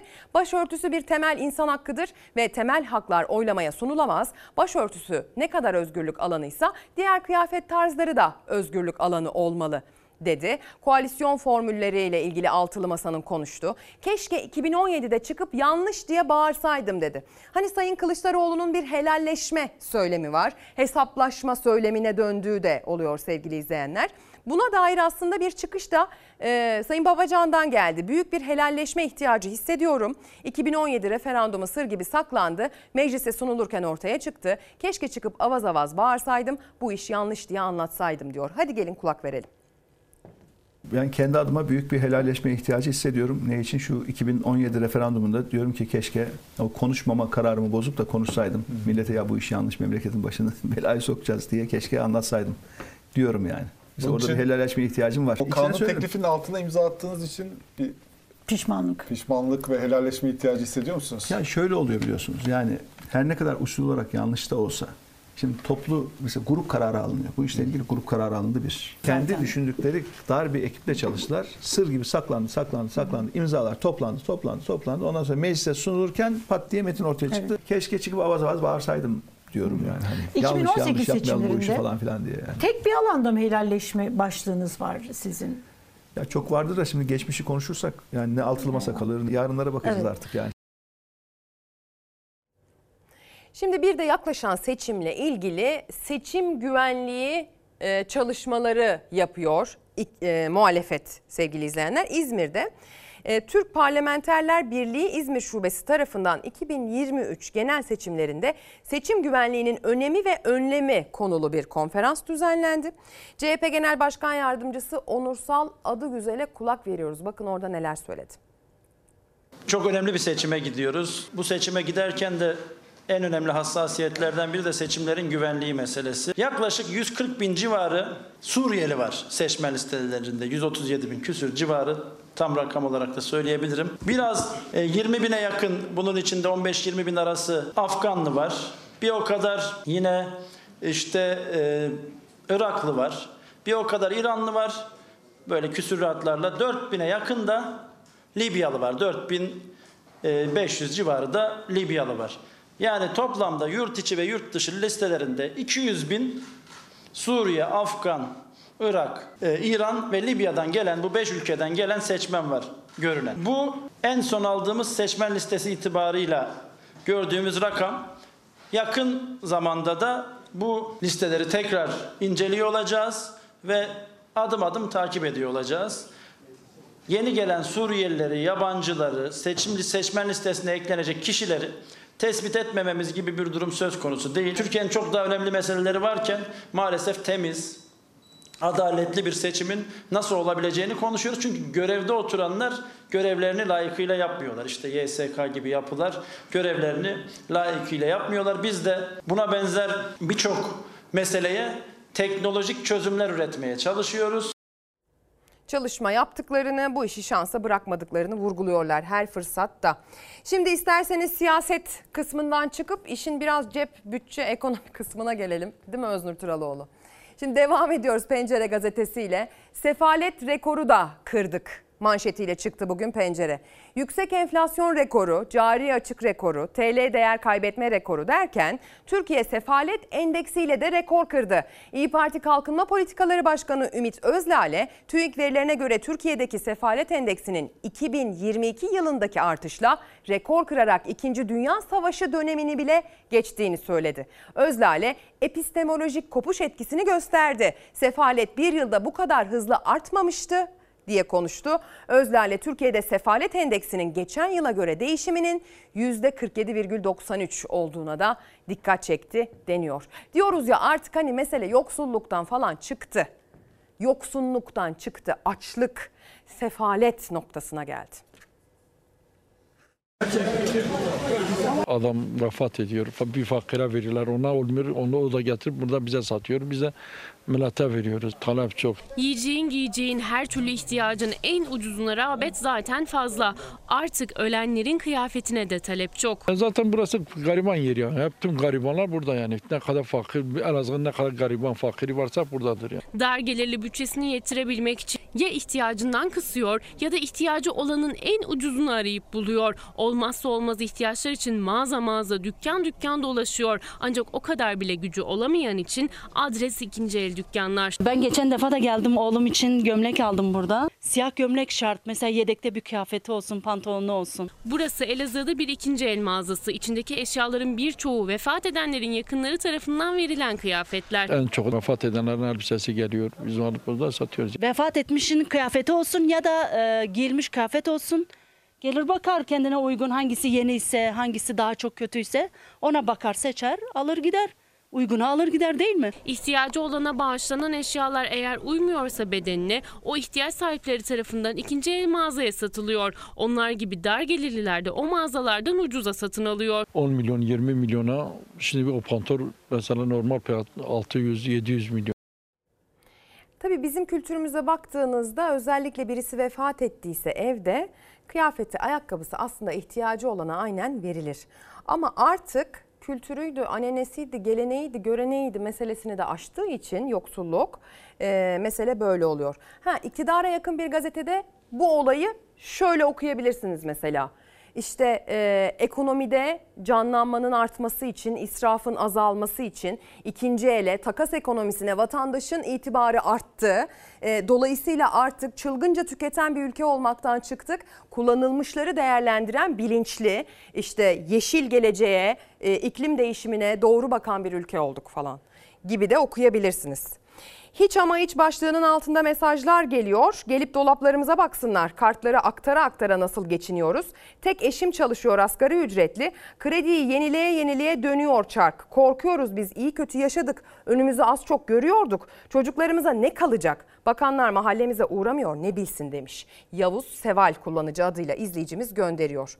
Şimdi çocukların yemek yemesi okula giderken önemli diye konuştuk. Okula giderken çocukların aç kaldığını, beslenme çantalarının doldurulamadığını konuştuk. E bunun üniversite versiyonu da var. Şimdi çocuğunuzu başka bir şekir, şehirde üniversiteye gönderdiğiniz zaman masrafı da ona göre katlanıyor.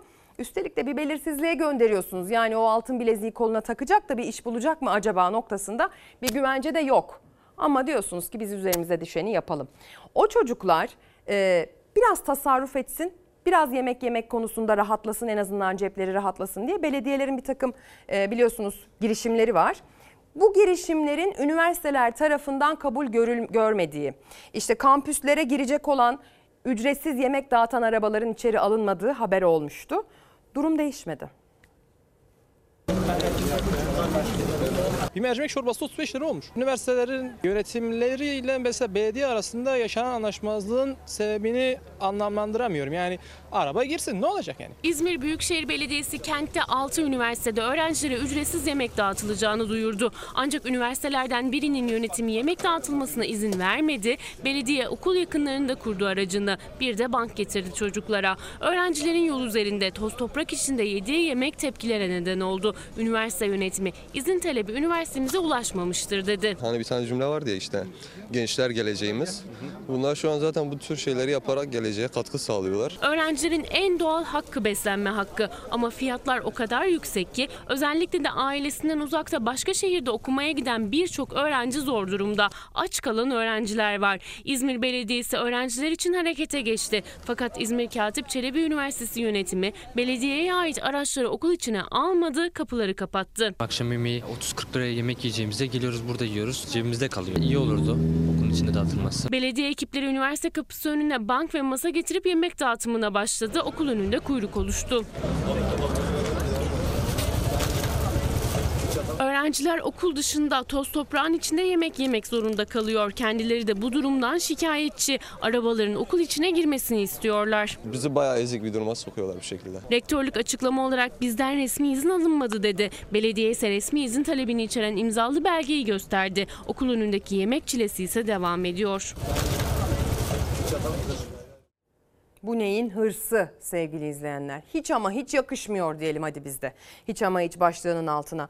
Şimdi çocukların açlığını tokluğunu konuşmak zorunda kaldığımız için üniversiteyi kazanıp da sırf barınmasını, yemesini, içmesini karşılayamayacağı için çocuğunu okula gönderemeyen aileleri tartıştığımız, konuştuğumuz için özel gereksinimli çocukların özel ihtiyaçlarına konuyu getiremiyoruz. Yani aslında bizim meseleyi daha böyle tabana yayar şekilde konuşabilmemiz için onları da içine alacak şekilde. Onlardan başlayarak belki de konuşuyor olmamız lazım. Özel eğitim gerektiren, özel durumu olan dezavantaj, e, dezavantajlı çocuklar. Bir dönem onlara maalesef hep özürlü dedik. Sonra meseleyi engelliye çevirdik. Engelli çocuklar dedik, bedensel veya zihinsel. Şimdi artık engelli de demiyoruz. Benim artık ağzımdan çıkarken böyle ağzımda büyüyor engelli kelimesi. Çünkü kendilerinin değil aslında engel. Onların önlerinde bir takım engeller var. O engeller kaldırılırsa aslında onlar sadece farklı. E, duyarlı belediyeler konuyla ilgili çalışmalar yapıyorlar. Onlar bu çalışmaları yaptıkça konu gündeme geliyor ama onların da bu gündemde çok büyük bir yer tutmaya hakları var. Engelsiz havuzumuz da Türkiye'de bir ilk olma özelliğini kazanıyor. Çok uzak yollara gidiyorduk havuz için. Ama şimdi biraz daha burnumuzun dibine gelmesi güzel oldu. Hem tedavilerini pekiştiriyor, hem sosyalleşme imkanı sağlıyor, hem de spor yaparak sağlıklarını koruyorlar. Engellilerin artık sadece kendilerine ait ve onlar için dizayn edilmiş bir havuzları var. İstanbul Bağcılar Belediyesi duyu bütünleme temelli su içi terapi havuzunu hizmete sundu. Görsel ve işitsel sistemi destekleyen ışık ve ses materyalleri. Havuz içerisinde engelli bireylerimizin yükseklik noktasındaki ihtiyaçlarını görecek platformlar oluşturduk.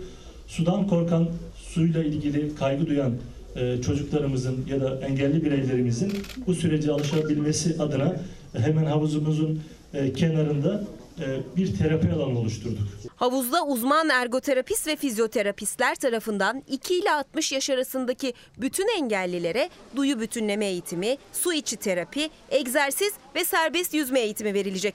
Tedavi hizmetinin yanında yetenekli engelliler de lisanslı yüzücü olarak yetiştirilerek paralimpik yarışmalara hazırlanacak. Özellikle otizm ve zihinsel engel gruplarının ve nöro gelişimsel bozuklukların tedavilerine katkı sağlaması hedefleniyor. Engelliler her yerde alınmıyordu. Hani çoğu yere gidemiyorlar. Yüzme de engellilere çok iyi geldiği için böyle bir yeri açtığı için belediye başkanımıza teşekkür ederiz. Bakın bu anneler evde, evde olmak zorundalar. Çalışma hayatına katılamıyorlar. Çünkü çocuklarının e, bir yerde olması için mesela eğitim aldıkları bir kurumda olması için çok ciddi paralar harcamaları lazım. Devlet bunu sadece 8 saat karşılıyor. Halbuki standart gelişime sahip herhangi bir farklılığı olmayan çocuğa biz haftalık 40 saat eğitime ihtiyacın var diyorsak o zaman özel gereksinimli çocuğun da en az bu kadar hatta daha fazla eğitim alması lazım. Kimisinin ekstradan konuşma terapisine ihtiyacı oluyor, kimisinin duy- duyu bütünleme terapisine ihtiyacı oluyor. Bu çok çok önemli bir konu ama artık konuyu oraya getiremiyoruz. Bir karınlarını doyuralım da ondan sonra çocuklarımızın konularını çeşitlendirebiliriz diyoruz herhalde. O yüzden önemlidir efendim. Ee, bir de bir duyuru. Ee, İlker Karagöz'de Çalar Saat pazartesi sabahı itibariyle 8'de değil 7.15'te yayına başlayacak. Yani eğer evden erken çıkıyorsanız ve o süre zarfında e, biraz haber alayım diyorsanız tam sizlik. Günaydın. Çalar Saat başlıyor. Ben İlker Karagöz. Çalar Saat erkene kuruldu. Kalıcı yaz saati karanlığı sürerken gün artık Fox'ta da daha erken başlayacak. İlker Karagöz pazartesi gününden itibaren 7.15'te günaydın diyecek. Liderler ortak miting yapacaklar mı? Da oturup konuşacağız. Ya. Çift dikiş denildi efendim işte. Evet, yani, üç çok çirkinliklerle dikiş karşılaştıkları için. En doğru haberler, gündemdeki konular ve gündemi belirleyen konuklar yine Çalar Saat'te olacak. Türkiye günün ilk haberlerini, geceden güne en sıcak gelişmeleri İlker Karagöz'den alacak. Vatandaşa, seçmene ne söz vereceksiniz? Hızı artırmamız gereken bir döneme de giriyoruz. 20 yıl sonra hala daha demokratik bir ülke halinde bulunması Ben gelecek dönem başarılı olacağım. İlker Karagöz'de Çalar Saat 7 Kasım Pazartesi'den itibaren sabah 07.15'te. Tekrar günaydın sevgili izleyenler. Bir kez daha ekran başına hoş geldiniz. Yine bomba gibi bir e, hazırlık serisiyle karşınızda olacağız. E, önce isterseniz bir ismi analım. Bugün kendisinin ölüm yıl dönümü. Hem gazeteci, hem şair, hem siyasetçi, hem bakan, hem başbakan. Karaoğlan. Her şeyiyle dünya önüne serilir. Üstelik oğlum adam oldun demektir. Demirellerden, Türkeçlerden, milliyetçilikten salmayız. Gazeteci, şair, siyasetçi, bakan, başbakan, Karaoğlan. 20. yüzyıl Türk siyasetine damgasını vuran Bülent Ecevit'in ölüm yıl dönümü bugün. Uçup gitti kuş misali bahçelerden. Ne eller gördü hayrını ne biz gördük. 9 kere milletvekili seçilen, bakanlık yapan, 5 kere başbakanlık koltuğuna oturan bir isim. Robert Koleji mezunu, Harvard Üniversitesi'nde sosyal psikoloji ve Orta Doğu tarihi üzerine incelemeler yaptı. Önce dergilerde ve gazetelerde çalıştı. Sonra siyasete atıldı. CHP ve DSP genel başkanlığı yaptı. Türkiye Kıbrıs Barış Harekatı'nı onunla beraber gördü. İl il, ilçe ilçe, köy köy gezip vatandaşla konuşan siyasetçi figürünü de. Biz aslında savaş için değil, barış için. Yalnız Türklere değil, Rumlara da barış getirmek için adaya gidiyoruz. Hatta o gezilerden birinde yaşlı bir kadın sordu. Karaoğlan vardı o nerede diye. Adı Karaoğlan kaldı. Sen buna bir çare Bulgara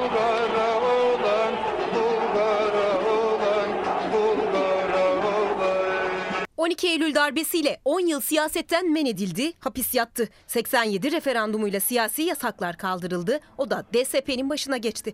99'da kurulan DSP-MHP ANAP koalisyonunda yeniden başbakanlık koltuğuna oturdu. 1999'da Marmara depremle sallandığında, terör örgütü elebaşı Abdullah Öcalan yakalandığında da başbakanlık koltuğundaydı. Başarıları ise kendine mal etmedi hiçbir zaman. Birlik ve beraberlik dedi. Abdullah Öcalan'ı Kenya'ya gidip ben yakalamadım. Türkiye devleti yakaladı. Ama o devleti İniş çıkışlarla fırtınalarla dolu siyasi hayatını 2004 yılında bıraktı. Her sabah gazetelerde okuyan yurttaşlarımız soruyor olmalılar. Şairdi. Şair ruhu her konuşmasına sinmişti. Yazardı. Dördü şiir olmak üzere 16 kitap yazdı. Aşıktı Bülent Ecevit. Mesleğine, ülkesine ama illaki Rahşan'ına. Robert Koleji'nde tanıştığı o zarif genç hanım 1946'da Çocuk Esirgeme Kurumu salonunda sade bir törenle Rahşan Ecevit olacak. Hayatının sonuna kadar da eşinin yanında duracaktı. Her siyasi hamlenin ve her şiirin baş aktörlerinden biri olarak. El ele sevdik bu dünyayı. Acısıyla, sevinciyle sevdik. Yazıyla, kışıyla sevdik. Köy köy, ülke ülke. İlerleyen yaşı, bozulan sağlığı ve doktorlarının karşı çıkmasına rağmen Danıştay saldırısında yaşamını kaybeden Yücel Özbilgin'in 19 Mayıs 2006'daki cenazesine katıldı. Törenin ardından beyin kanaması geçiren Ecevit uzun süre Gülhane Askeri Tıp Akademisi'nde yoğun bakımda kaldı. Bitkisel hayata girdikten 172 gün sonra 5 Kasım 2006 Pazar günü vefat etti. Artık gidiyorum. Beni uğurlayın kardeşlerim. Hepinize eğilerek ayrılıyorum. Yalnız sizin son ve nazik sözlerinizi bekliyorum. Üslubuyla, tarzıyla, düşünme şekliyle, yaklaşımıyla özlenen, saygı duyulan bir siyasi lider sevgili izleyenler. Bugün hala kendisi iyi anılıyor. Ee, kendisine oy vermeyenler tarafından dahi işte aslında böyle e, siyasi figürlere ihtiyacı var bu ülkenin. Kendisi aynı zamanda şair diye bahsettik. Madem bir dörtlük okuyalım. Bir kıta. Yarın şiirinin son kıtası. Pek o kadar göremesek de uzağa kuşların uçuşundan belli. Bir şeyler olacak yarın. Öbür günden önemsiz, yarından önemli diyor şair Bülent Ecevit. Bir diğer şairimiz 4 Kasım 1984 tarihinde hayatını kaybetti. Ruhi Becenek hatırlatıyor. Uyku belli değil, düş belli değil. Çöktü üstümüze bir kara duman. Işık belli değil, loş belli değil. Ee, Ümit Yaşar Oğuzcan'ı da saygıyla anıyoruz diyor. Öyle bir açmaza düştü ki vatan sözlerinin ardından. Devam edelim isterseniz etiketimizi hatırlatarak ve aslında o sözlere kulak vererek devam edeceğiz. Hiç ama hiç başlığını atmamıza e, vesile olan e, esin kaynağı olan Sayın Bakanımız Nebati'nin sözleriyle devam edeceğiz. Cumhurbaşkanı Erdoğan ekonomi e, gündeminde enflasyon karşısında gelişmiş ülkelerin yaşadıkları zorlukları anlatırken Sayın Nebati'den de işte bu çıkış geldi. 20 yıldır bu ülkede hiç kimse ama hiç kimse şunu söyleyemez. Beni enflasyonun altında ezdirdiler diyemezler. Yılda iki defa ücret ve maaş ayarlaması yapmak çalışanları enflasyona karşı korumaz. O yüzden insanlar şu anda inim inim inliyor. Sahte enflasyon rakamlarını protesto ediyoruz. Pazar arabası artık bu arabayı dolduramıyoruz. Yıllık enflasyonun %85,5, gıda enflasyonunun %99 açıklandığı günün ertesinde kamu işçileri pazar arabalarını artık dolduramıyoruz derken Hazine Bakanı Nurettin Nebati hiç kimse enflasyona ezdirildiğini söyleyemez dedi. Memur ve emekli maaşlarına Temmuz'da yüzde yedi artış yapılırken Temmuz-Ekim döneminde tüfe ne oldu? Yüzde on nokta seksen beş. Hiç kimse ama hiç kimse şunu söyleyemez. Beni enflasyonun altında ezdirdiler. İki yıl önce katma değer içerisinde ücretlilerin payı yüzde 36,8 iken bugün yüzde 25,4'e düşüyor. Yani ücretlerin kazancı üçte biri erimiş gitmiş. Enflasyon Aralık ayından itibaren baz etkisiyle de olsa hızlı bir şekilde düşmeye başlayacak. Baz etkisiyle gelen baz etkisiyle gider. Çıkıp ya biz enflasyonun işte trendini şuraya çektik diyebiliyorlar mı? Diyemiyorlar çünkü ortada bir programları yok. Yıllık enflasyon son 24 yılın zirvesinde. Cari açık katlanıyor. Cari açığa tersten bakalım diyen Bakan Nebati'ye göre öngörülebilirlik artıyor. Öngörülebilirliğin arttığı, insanların hesap kitaplarını çok rahat bir şekilde yapabildiği bir dönemdeyiz. Bu kadar yüksek enflasyon ortamında bütçe açığının rekor düzeylere çıktığı bir ortamda öngörülebilirliği sağladık demek göz boyamadır. Gelişmiş ülkeler dahil pek çok ekonomi son 50-60 yılın en yüksek enflasyon rakamlarıyla baş etmeye çalışıyor. Sayın Erdoğan siz dünyadaki enflasyona üzülmeyin. Biz şu anda Türkiye'de dünyadaki ortalama enflasyon 10 katı enflasyon yaşıyoruz. Cumhurbaşkanı Erdoğan MÜSİAD'a bağlı iş insanlarıyla buluşmasında enflasyona gelişmiş ülkeler zorda diyerek değindi. Türkiye'deki enflasyona girmedi. Sosyal refah kayıplarını da derinleştiren bu yeni gerçeklik karşısında çoğu ülke yalpalamakta Türkiye'de enflasyon o inanmadığımız TÜİK rakamlarıyla bile yüzde 85. ENAG'a göre de yüzde 185.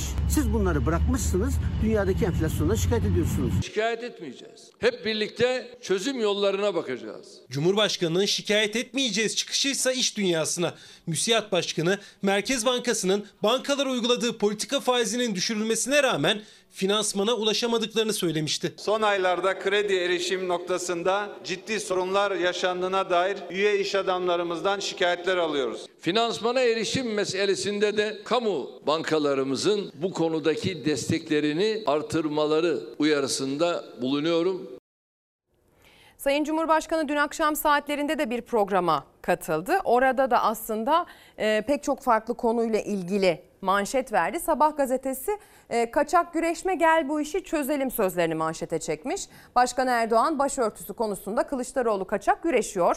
Gelin ayrım yapmadan bu işi anayasada halledelim. Gerekirse referanduma gidelim deniyor. Bir referandum sandığı ufukta göründü. Aslında bir seçim sandığı ufukta görünmüşken sandık sayısı ikiye çıktı. Acaba bu sandıkların ikisi de aynı anda mı karşımıza gelecek? Şimdi biliyorsunuz başörtüsüyle ilgili muhalefet bir çıkış yaptı.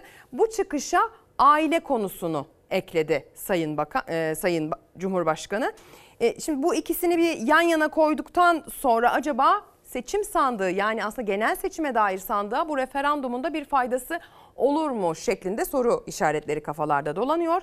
Tahmin edilen iktidarın bu iki sandığı aynı anda önümüze koyacağı ve aslında meseleyi birlikte oylatacağı. Dolayısıyla da buradan aile konusunda e, hassasiyeti olan insanlardan oy alamayacaktıysa da oy alabilecek duruma gelmeyi e, planladığı konuşuluyor kulislerde. Devam edelim. Cumhurbaşkanı Erdoğan hangi e, şeye katılmıştı? Kadın hakları ile ilgili, kadına yönelik adaletle ilgili bir e, toplantıya katılmıştı sevgili izleyenler. Aslında orada başka şeyler de sözler de sarf etti. Mesela kadına yönelik şiddetle ilgili dedi ki e, sırf cinsiyeti yüzünden şiddete uğramasını bir kadının hele ki öldürülmesini asla kabul edemeyiz dedi. Bir de sanki cinayet, şiddet dört bir yanda kol geziyormuş gibi e, sunanların aslında kendi içindeki çürümeyi gözlerden kaçırmaya çalıştıklarını görüyoruz diye konuştu. Yani kadın cinayeti var, e, sokakta kol geziyor diyenler de kendi içinde bir çürüme yaşıyormuş. 2012'de 210, 2013'te 237 kadın, 2014'te 294, 2015'te 303, 2016'da 328, 2017'de 409, 2018 440, 2019 474, 2020 2021 böyle devam ediyor sevgili izleyenler. Cinayete kurban giden kadınların bu verilerini sivil toplum devletten şeffaf bir şekilde edindiği verilerden değil, basına yansıyanlardan topluyor. Yani bunlar aslında resmi rakamlarda da değil yani daha fazlası da olabilir. Çünkü o kayıtlar sivil toplumla paylaşılmıyor. Bir de tabii ki TÜİK'in verileri var. Bakın 22 2022 4 Mart'ta istatistiklerle kadın e, yayınlaması yapmış 2021 yılına dair TÜİK. İş gücüne katılma oranı artı 15 yani 15 yaş üstü kadınlarda sadece yüzde 30 ve bu övünülecek bir şey değil. E, cinsiyete göre incelendiğinde 2020 yılında hanesinde 3 yaşın altında çocuğu olan çalışma çağındaki kadınların istihdam oranı ise yüzde 25. Düşünebiliyor musunuz? 100 kadından sadece 25'i çalışıyor eğer 3 yaş ve altında çocuğu varsa. Yani aslında kadınların hem ekonomik olarak güçsüzlüğü hem de dolayısıyla aslında birbirini besleyen süreçler şeklinde e, istihdama katılamaması gibi bir durum var. Şiddete uğraması gibi bir durum var. İsrail'de 3 yaşından küçük çocuğu olan annelerin %76'sı istihdam ediliyor. Ama Türkiye'de bu oran %25 diye Gamze Taşçıer hatırlatmış. Yani bu kadınları da eve hapsedilmiş olarak değerlendirilmiş. Yani kadın meselesiyle ilgili değil de gazeteler bu başörtüsü meselesiyle ilgili konuyu gündeme taşıyorlar ama böyle de bir durum söz konusu. Türkiye'nin bir gerçeği. Hani az evvel Ozan Gündoğdu da geldi çocuk açlığını konuştuk. Nedense bir türlü gündem olamıyor. Nedense bir türlü iktidarın milletvekillerinden e, tamam oyu evet oyu alamıyor bu konu. Çocuklar aç kalmasın, onlara bir öğün yemek verilsin okulda teklifleri hep havada kalıyor diye.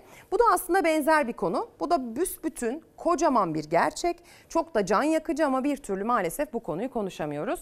Ne oldu? İzmir'de bir deprem oldu. Buca depremi korkuttu kent güvenli değil. İki yıl önce onlarca kişinin yaşamına mal olan depremin travmasını atlatamayan İzmir'de 4,9 büyüklüğündeki sarsıntı endişeye neden oldu. İki kişinin yaşamını yitirdiği Buca merkezli deprem bir kez daha eksiklikleri alınmayan önlemleri gözler önüne serdi diyor. Ee, İnşaat Mühendisleri Odası ve Jeoloji Mühendisleri Odası'ndan da görüş almış. Biz de İnşaat Mühendisleri Odası'na bir kulak vereceğiz sevgili izleyenler. Bir de şunu hatırlatmak isterim. Şöyle bir laf var. Ee, çok da doğru. Deprem öldürmez, bina öldürür. Tedbirsizlik, hazırlıksızlık öldürür diye. Bakın deprem de değil, bina da değil, kendini güvende hissetmeme duygusu öldürdü bu sefer. Farkında mısınız? İnsanlar eğer kendilerini güvende hissetselerdi pencereden atlarlar mıydı? Kalp krizi geçirirler miydi? Hiç sanmıyorum. Allah! Allah! Allah!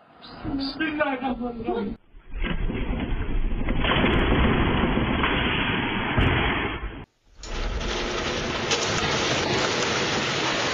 Zeminde oturuyoruz biz. Güm diye geldi yani.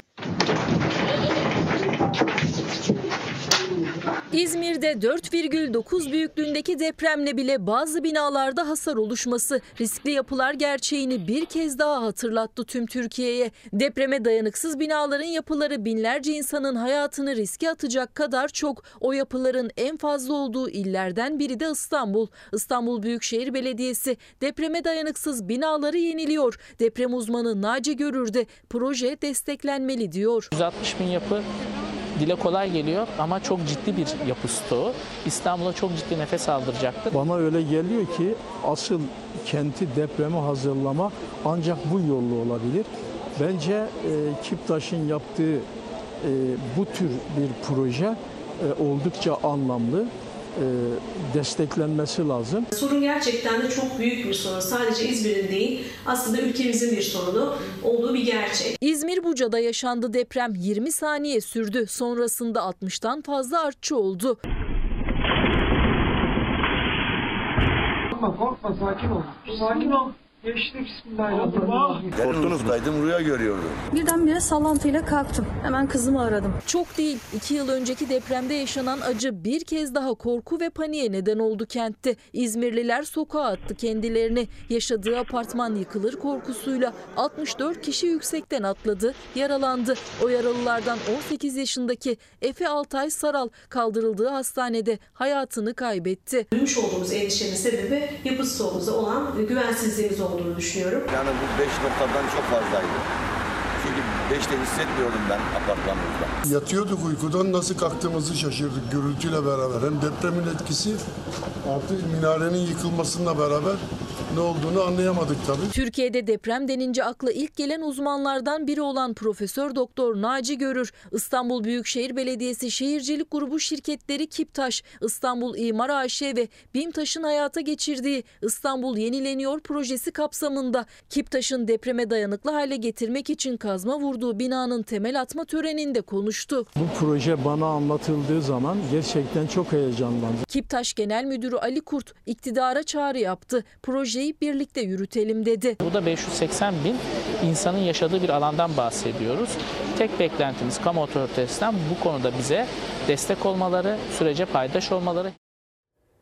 Yani müteahhite gidip de müteahhitin kendisinden istediği parayı e, ödeyemeyecek olan kişiler diyorlar ki benim binam kardeşim çok eski. Gelin bunu yenileyelim diyorlar. Belediyeye başvuruyorlar. Belediye de bir aracı kurum oluyor. Tabii ki ödeme yapmadan bunun gerçekleşemediğini uzmanlar söylüyorlar. Yani ev küçülecek biraz da ödeme yapılacak. Başka şansı yok.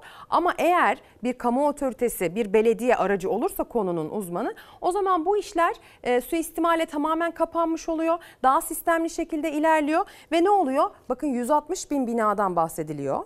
Ee, ve bu 160 bin binanın içerisinde 580 bin kişinin yaşadığından bahsediliyor. Bunların arasında emeklisi var, yaşlısı var, çoluğu var, çocuğu var, engellisi var.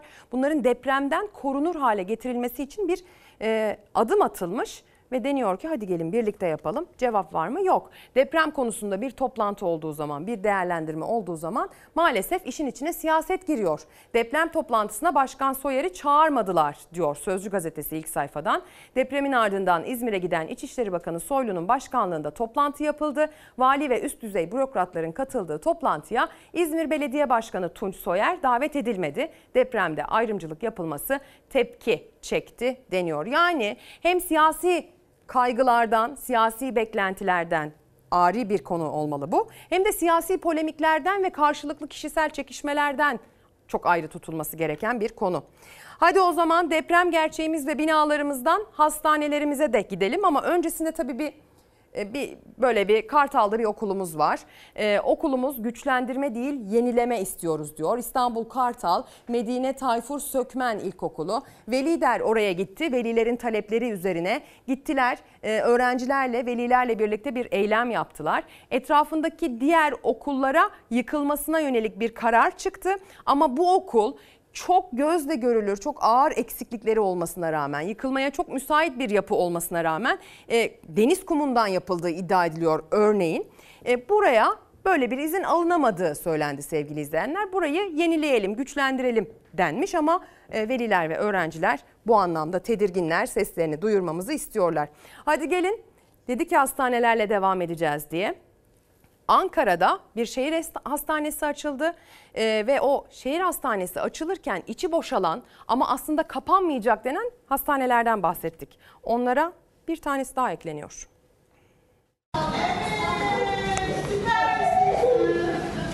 Randevu rahat alabiliyor musunuz? Ne randevusu? Doktor yok ki randevu alacağım. Bir şey yok kardeş işte bitti yani. Dış kapı hastanesinin %60'ını falan götürdüler buradan. Şimdi ne burası hizmet verebiliyor, ne Etlikşehir Hastanesi verebiliyor, ne diğer hastaneler verebiliyor. Randevu almak falan bir kere iki ay. Çeyrek hastaneye düştü. Yani buralar bana göre tabela hastanesi oldu. Günde 8 bin üzerinde hastaya ayaktan hizmet veren bir hastanenin bugün itibariyle polikliniklerin terk edilmiş görüntüsü gerçekten bizler için çok acı. Maalesef hayalet hastaneler. Çok değil birkaç ay öncesine kadar o koridorlarda yüzlerce hasta muayene sırasına giriyordu. Şimdi yok denilecek kadar az sayıda hastanın sesi yankılanıyor. Dış kapı eğitim ve araştırma Hastanesi'nin birkaç katında. Birçok bloksa kapatılmış durumda. İşte sabah 9.30 itibariyle o koridorlar. Doktor yok, hasta yok. Çünkü doktorların büyük bölümü Etlikşehir Hastanesi'ne gönderildi. Hastane ekipmanları da. Günde yaklaşık 80'in üzerinde ameliyat gerçekleşiyordu ve bu ameliyatlar riskli ameliyat sınıfındaki ameliyatlardı.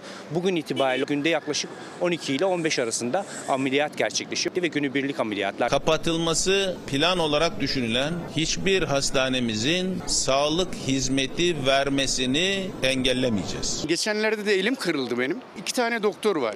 E birisi gece nöbetten çıkmış. E birisi benim elim alçıya alınması lazım. Atele aldılar. E, göndermek zorunda kaldılar. Çünkü yapacakları bir şey yok. Maalesef öksüz kaldı Dış Kapı Hastanesi. Dış Kapı Eğitim ve Araştırma Hastanesi'nde 925'i hekim olmak üzere 2833 sağlık emekçisi çalışıyordu. Bugün yaklaşık 185 hekimle hizmet veriyor. Doktor sayısı yaklaşık %20'ye düştü. Hastane kapasitesi de son 5 günde 20'ye yakın doktorun ilişiği kesildi. Etlikşehir Hastanesi'ne gönderildi. Hiç duydun mu sabahtan beri röportaj yapıyor yapıyorsun. Bir ön diye içeri gireni gördün mü? E, yani bunu konuşmaya bile gerek yok. Söyle söyle söyle. Duyan var mı? Yok. Dış Kapı Hastanesi aslında Ankara'nın en yoğun acil servislerinden birine sahipti ancak şimdi yok denilecek kadar az sayıda hasta giriş çıkış yapıyor. Ana bina adı altında sayısı azaltılan polikliniklerdense randevu almak neredeyse imkansız. Randevu falan yok. Kimse muayene olmadan gidiyor. Geliyor adam muayenesi var diye gönderiyorlar Etli'ye, gönderiyorlar Bilkent. Millet perişan yani abla. Ankara nüfusunun hemen hemen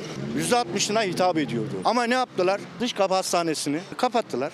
İnsanlar zor duruma düşürdüler. Ulucanlar Göz Hastanesi'nde Etlikşehir Hastanesi'ne 90'a yakın uzman hekimin görevlendirildiğini ama kamuoyunun baskısı sonrası 13'ünün geri görevlendirildiğini görüyoruz. Yatan hastalara ameliyat kapsamında hizmetini sunamıyor bugün itibariyle. Sadece dış kapı değil Zübeyde Hanım, Kadın Doğum, Sami Ulus ve Ulucanlar Göz Hastanesi'nde de koridorlar boş. Çünkü doktor kadrosu çok eksik. Ekipmanlar da şehir hastanesine taşındı. Taahhüt edilen nedir? Hasta sayısı. Ha burada hasta sayısında yüklenici firma o rakama ulaştı ulaştı. Ulaşamadığı zaman aradaki farkı veriyorsun. Cumhurbaşkanı şehir hastanelerine hasta garantisi verildiğini birkaç gün önce söyledi. Sağlık Emekçileri Sendikası'na göre o açıklama Ankara'daki kamu hastanelerinin boş koridorlarının nedeni. Sağlıktan üretime geçiyoruz. Besici isyanda 1 kilogram yemin fiyatı bir yılda 2,5 katına çıktı. Yavaş yavaş bakmayız. Neden? Girdiler yüksek olduğu için. Besici sesini duyurmaya çalışıyor çünkü yetişemiyor. Hayvanını besleyip besiciliğe devam etse yem pahalı. Hayvanlarımı satayım dese aldığı para borcunu kapatmaya yetmeyecek. Koyun fiyatları çok düştü. Çok düştü. 1300 bir buçuk arası gidiyor. gidiyor. Tanesi. Tanesi. Yani bir küçük altın etmiyor. Yok etmiyor. Dört tane küçük altın alırdık. Dört Beş tane. yıl önce. Şimdi bir çeyrek. Hasan Tuna Edirne'de besicilik yapıyor. Aldığı yem fiyatı bir yılda 160 liradan 400 liraya çıktı. Çuvalı 370 lira, 400 lira, 160. 160'tı. Sadece yem de değil tek maliyeti. Elektrik, işçilik, enerji gibi girdileri de yükseldi. Satıp bu işi bırakmak istese onda da borçlu kalıyor. Aslında üretime devam etmek istiyor ama onu da yapamıyor. Çıkmazdaki üreticiler destek bekliyor. Bu sene dayandığımız kadar dayan. Az para yaptı mı kurtaracak gibi olduğunu satacağız. Mecburen bırakacağız. Besici kazanamayınca biz de et almakta zorlanır hale geliyoruz. Peki balık alabiliyor muyuz? Mazot fiyatları arttı. Ne yapsın? Balık tutanlar da e, yazık yani. Onlara da acıyoruz yani. E, vatandaşa da acıyoruz. Ucuz balık yedirmek istiyoruz. Balığı tutan balıkçı da satan esnaf da almak isteyen ama alamayan tüketici de hepsi zararda. Yüksek maliyetler balıkçıları zorluyor. Her gün değişen fiyat alım gücünü düşürüyor. Tüketici balık yiyemiyor, esnaf satış yapamıyor. Geçen sene 120-130 kasa satıyorduk. E, bu sene tamamen düştü. Alım gücü de düştü. Hani denizde balık olmuş, alan olmadıktan sonra ne yapacaksınız? Bu yıl aslında balık bol, özellikle de palamut ama alım gücü yok. Sinoplu balıkçı İsmail Değer de satışların neden düştüğünü anlattı. Eşinde nasıl olsun alım gücü? Ee, bir bakıyorsunuz palamut 50 lira, bir bakıyorsunuz palamut 30 lira, bir bakıyorsunuz palamut 20 lira. Yani şu anda tezgah 15 liraya satılan palamutlar o kadar iri palamut da değil. Palamut fiyatları yüksek üstelik değişken. Fakat balıkçı da fiyat düşüremiyor çünkü maliyetleri yüksek. Bir gecede 100 bin, 120 bin liralık mazot yakıyor bir kayık. Ne tutup da tuttuğu balıkla para etmediği sürece ne olacak? Yani her türlü her türlü zarar Bir evladımızın hatta iki evladımızın hikayesiyle devam edeceğiz sevgili izleyenler. Düşünün ki ikizler anne karnından dünyaya gelecekler ama dünyaya geldikleri adreslerin arasında 60 kilometre fark var. Pansiyonumuz yapıldı. Tamam. Üzgünüz tabii çocuğumuzun bir tanesi başka bir başka bir hastanede, bir tanesi başka bir hastanede. İkizlerimiz ilk anda birbirinden ayrılmış oldu. İkizler daha anne karnında ayrı düştü. Biri doğdu. Diğerinin doğumu daha zor olunca anne 60 kilometre mesafede bir başka hastaneye sevk edildi. Diğer bebeğin doğumu o hastanede gerçekleşti. İki bebek de şimdi farklı hastanelerde küvezde. Şükür şimdi iyiyim de çocuklarım da iyi olursa yanıma gelirse daha da iyi olacağım. Denizli'de yaşıyor Şakır çifti. Muazzez Şakır ikiz bebeklere hamileydi. 29 haftalıkken sancıları başladı. Aniden hastaneye kaldırıldı. Bebeklerden biri doğdu. Birinci bebek doğum kanalında. Acıpayam'daki doktor hanım doğal olarak birinci bebeği doğurtuyor. Bebek küçük olduğu için onun nakil işlemleri küvezde gene uygun yere nakli yapılıyor. İkinci bebeğin pozisyonun uygun olmaması sebebiyle en iyi nakil aracı anne karnıdır düşüncesiyle anneyi bize hastanemize sevk etti. Diğer bebeğin duruş bozukluğu nedeniyle risk taşıyordu doğumu. Bir başka hastaneye 60 kilometre uzağa sevk edildi anne karnında ikinci bebeğiyle. Doğum başarıyla gerçekleşti. Şimdi iki bebek iki ayrı hastanede küvezde. Ailelerinin dileği bebeklerine sağlıkla kavuşmak. Annemiz iyi, sağlığında bir sıkıntı yok. Bebeklerimiz küçük olduğu için onlar yeni doğanda takipleri devam ediyor. İnşallah sağlıkla büyüsünler. Şimdi iyi bir haber vereceğiz yine aslında Ee, ve bu haberleri daha çok vermek istiyoruz. Tek bir öğrenci için açılan bir köy okuluna gidelim mi? İlçeye kilometrelerce uzakta bir köy ve o köydeki okulun tek öğrencisi 6 yaşındaki Zilan. Öğretmeninin de köyünün de umudu. Hani ben Zilan'ın hikayesinin burada sona ermediğine çok mutlu oldum. Yani artık hikayesi devam edecek ve belki de bu okulun umudu olacak. Van'ın Gevaş ilçesine 80 kilometre mesafede Daldere mahallesine bağlı Doruklu Mezrası. Mezranın tek öğrencisi 6 yaşındaki Zilan Patır ya taşımalı sistemle eğitim görecekti ya da köy okulu bir tek onun için açılacaktı. Öğretmen Salih Terim'in mezrada görevlendirilmesiyle Zilan da okula başladı. Hakikaten zor bir coğrafya, zor koşullar Ee, ama en azından her ne kadar zor olabilse de demek ki imkanlar yaratılabildiği zaman e, okuma serüveni devam edebiliyor. Zilan'la yeniden açılan okulunda Zilan'ın da eksikleri çoktu. Gevaş Gençlik Merkezi gönüllüleri küçük kızı mezrada ziyaret etti. İnsanların en çok ihtiyacı olan şeylerden bir tanesi de kitap bu anlamda. E, o yüzden Zilan kızımıza hem de öğretmenimize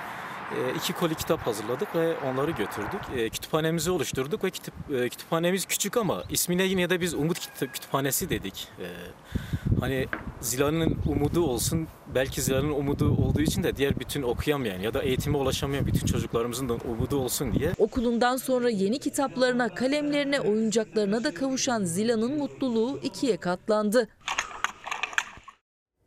İnşallah çocuk sayısı da artar okuldaki. Ona da ihtiyacı var Zila'nın. Az evvel kahvaltıda zeytin yiyebildiniz mi diye sorayım önce. Yiyebildiyseniz eğer ya da yiyemediğiniz o zeytinin diyebilirim. Üreticisi ne diyor bir de ona kulak verelim.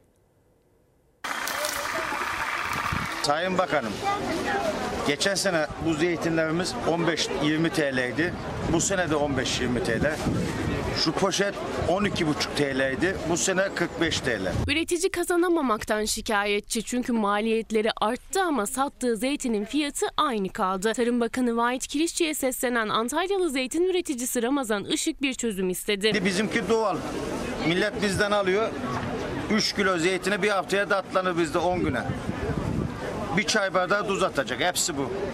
Yani siz bilirsiniz Sayın Bakanım. Neyse gereken yapılmasını istiyor. Üreticinin maliyetleri her geçen gün artıyor. Mazot, ilaç iş fakat geliri artmıyor. Zeytin üreticileri de kazanamamaktan şikayetçi. Geçen sene biz Antalya'dan Burdur'a gelirken 10-15 TL'ye mazot alıyorduk. Ee, şimdi 28 TL. Ramazan Işık da zeytinde kazanacakları bir fiyat belirlenmesini talep etti. Bakanlığa seslendi. Çünkü üretime devam edebilmesi için para kazanması gerekiyor. Biz çocuklarımızın açlığından değil, zeytin yememesinden değil, biz çocuklarımızın yüzünü dünyaya dönmesinden bahsetmek istiyoruz. Sporda, sanatta, bilimde. Bakın bir örneği. Philadelphia Sixers. Philadelphia 76ers. İnşallah bu formada güzel işler yapılır. Ama en önemli olan şey tabii ki arkadaşlık, sportmenlik. Onlar belki de geleceğin yıldız basketbolcuları ama şimdiden NBA formalarını giymeye başladılar. Çünkü onlar Junior NBA liginde ter dökecekler. Basketbol çok önemli değerlerle ilgili bir şey. Basketbol tek başına basketbol değil. Sportmenlikle ilgili, birbirine yardımcı olmakla ilgili, takım çalışmasıyla ilgili, iyi ahlaki değerlerle ilgili. 72 takım, binden fazla minik sporcu. Onlar sadece birbirleriyle yarışmayacak, basketbolun bir spordan daha fazlası olduğunu da öğrenecekler. Basketbol için Destek ve Eğitim Vakfı ve NBA işbirliğiyle gerçekleştirilen Junior NBA Bidev Ligi'nde ilk heyecanı yaşadılar. Formasını giyecekleri takımlar için kura çektiler. Sen şöyle güçlü bir şekilde söyle. Toronto Raptors. 2014 yılında Orta Doğu'da tek bir ülkeyle başladık yola. Tek bir ülkeyle koyulduk Junior NBA Ligi olarak. Şimdi tam 111 lig var 30'dan fazla ülkede. Sizler de bunun bir parçasısınız. 30'dan fazla ülkede gerçekleştiriliyor Junior NBA. Onlardan biri de Türkiye. Junior NBA Ligi'nin Türkiye'de gerçekleşmesi için ilk adımı atan BİDEV Yönetim Kurulu Başkan Yardımcısı Aytek Gürkan da dayanışmanın önemine dikkat çekti. Dayanışma bizim e, basketbol cami- camiamızın en önemli kısımlarından bir tanesi. Basketbolun bize yarattığı, bize verdiği bir eğitim hocalarımız, iki antrenörlerimizle beraber biz bunları çocuklara yaymak istiyoruz. 10-12 yaş arası öğrencilerin katılacağı Junior NBA Bidev Ligi için kurallar İstanbul'da Darüşşafaka Ayhan Şahenk Spor Salonu'nda çekildi. 14-15 Ocak'ta yapılacak finallerde ligi şampiyon olarak tamamlayan takımın oyuncuları şampiyonluk kupası ile birlikte NBA'in geleneksel şampiyonluk yüzüğüne de sahip olacak. Turnuva 2023 yılı Ocak ayında düzenlenecek ilk Junior NBA Ligi şampiyonasıyla tamamlanacak. Basketbola duyulan ilgi ve sevgiyi ülkemizde arttırmak istiyoruz. Türkiye'de basketbol ve NBA'in popülaritesi sürekli artıyor. Pazartesi gününden itibaren çalar saati İlker Karagöz 8'de değil 7.15'te çaldıracak. Günaydın. Çalar Saat başlıyor. Ben İlker Karagöz. Çalar Saat erkene kuruldu. Kalıcı yaz saati karanlığı sürerken gün artık Fox'ta da daha erken başlayacak.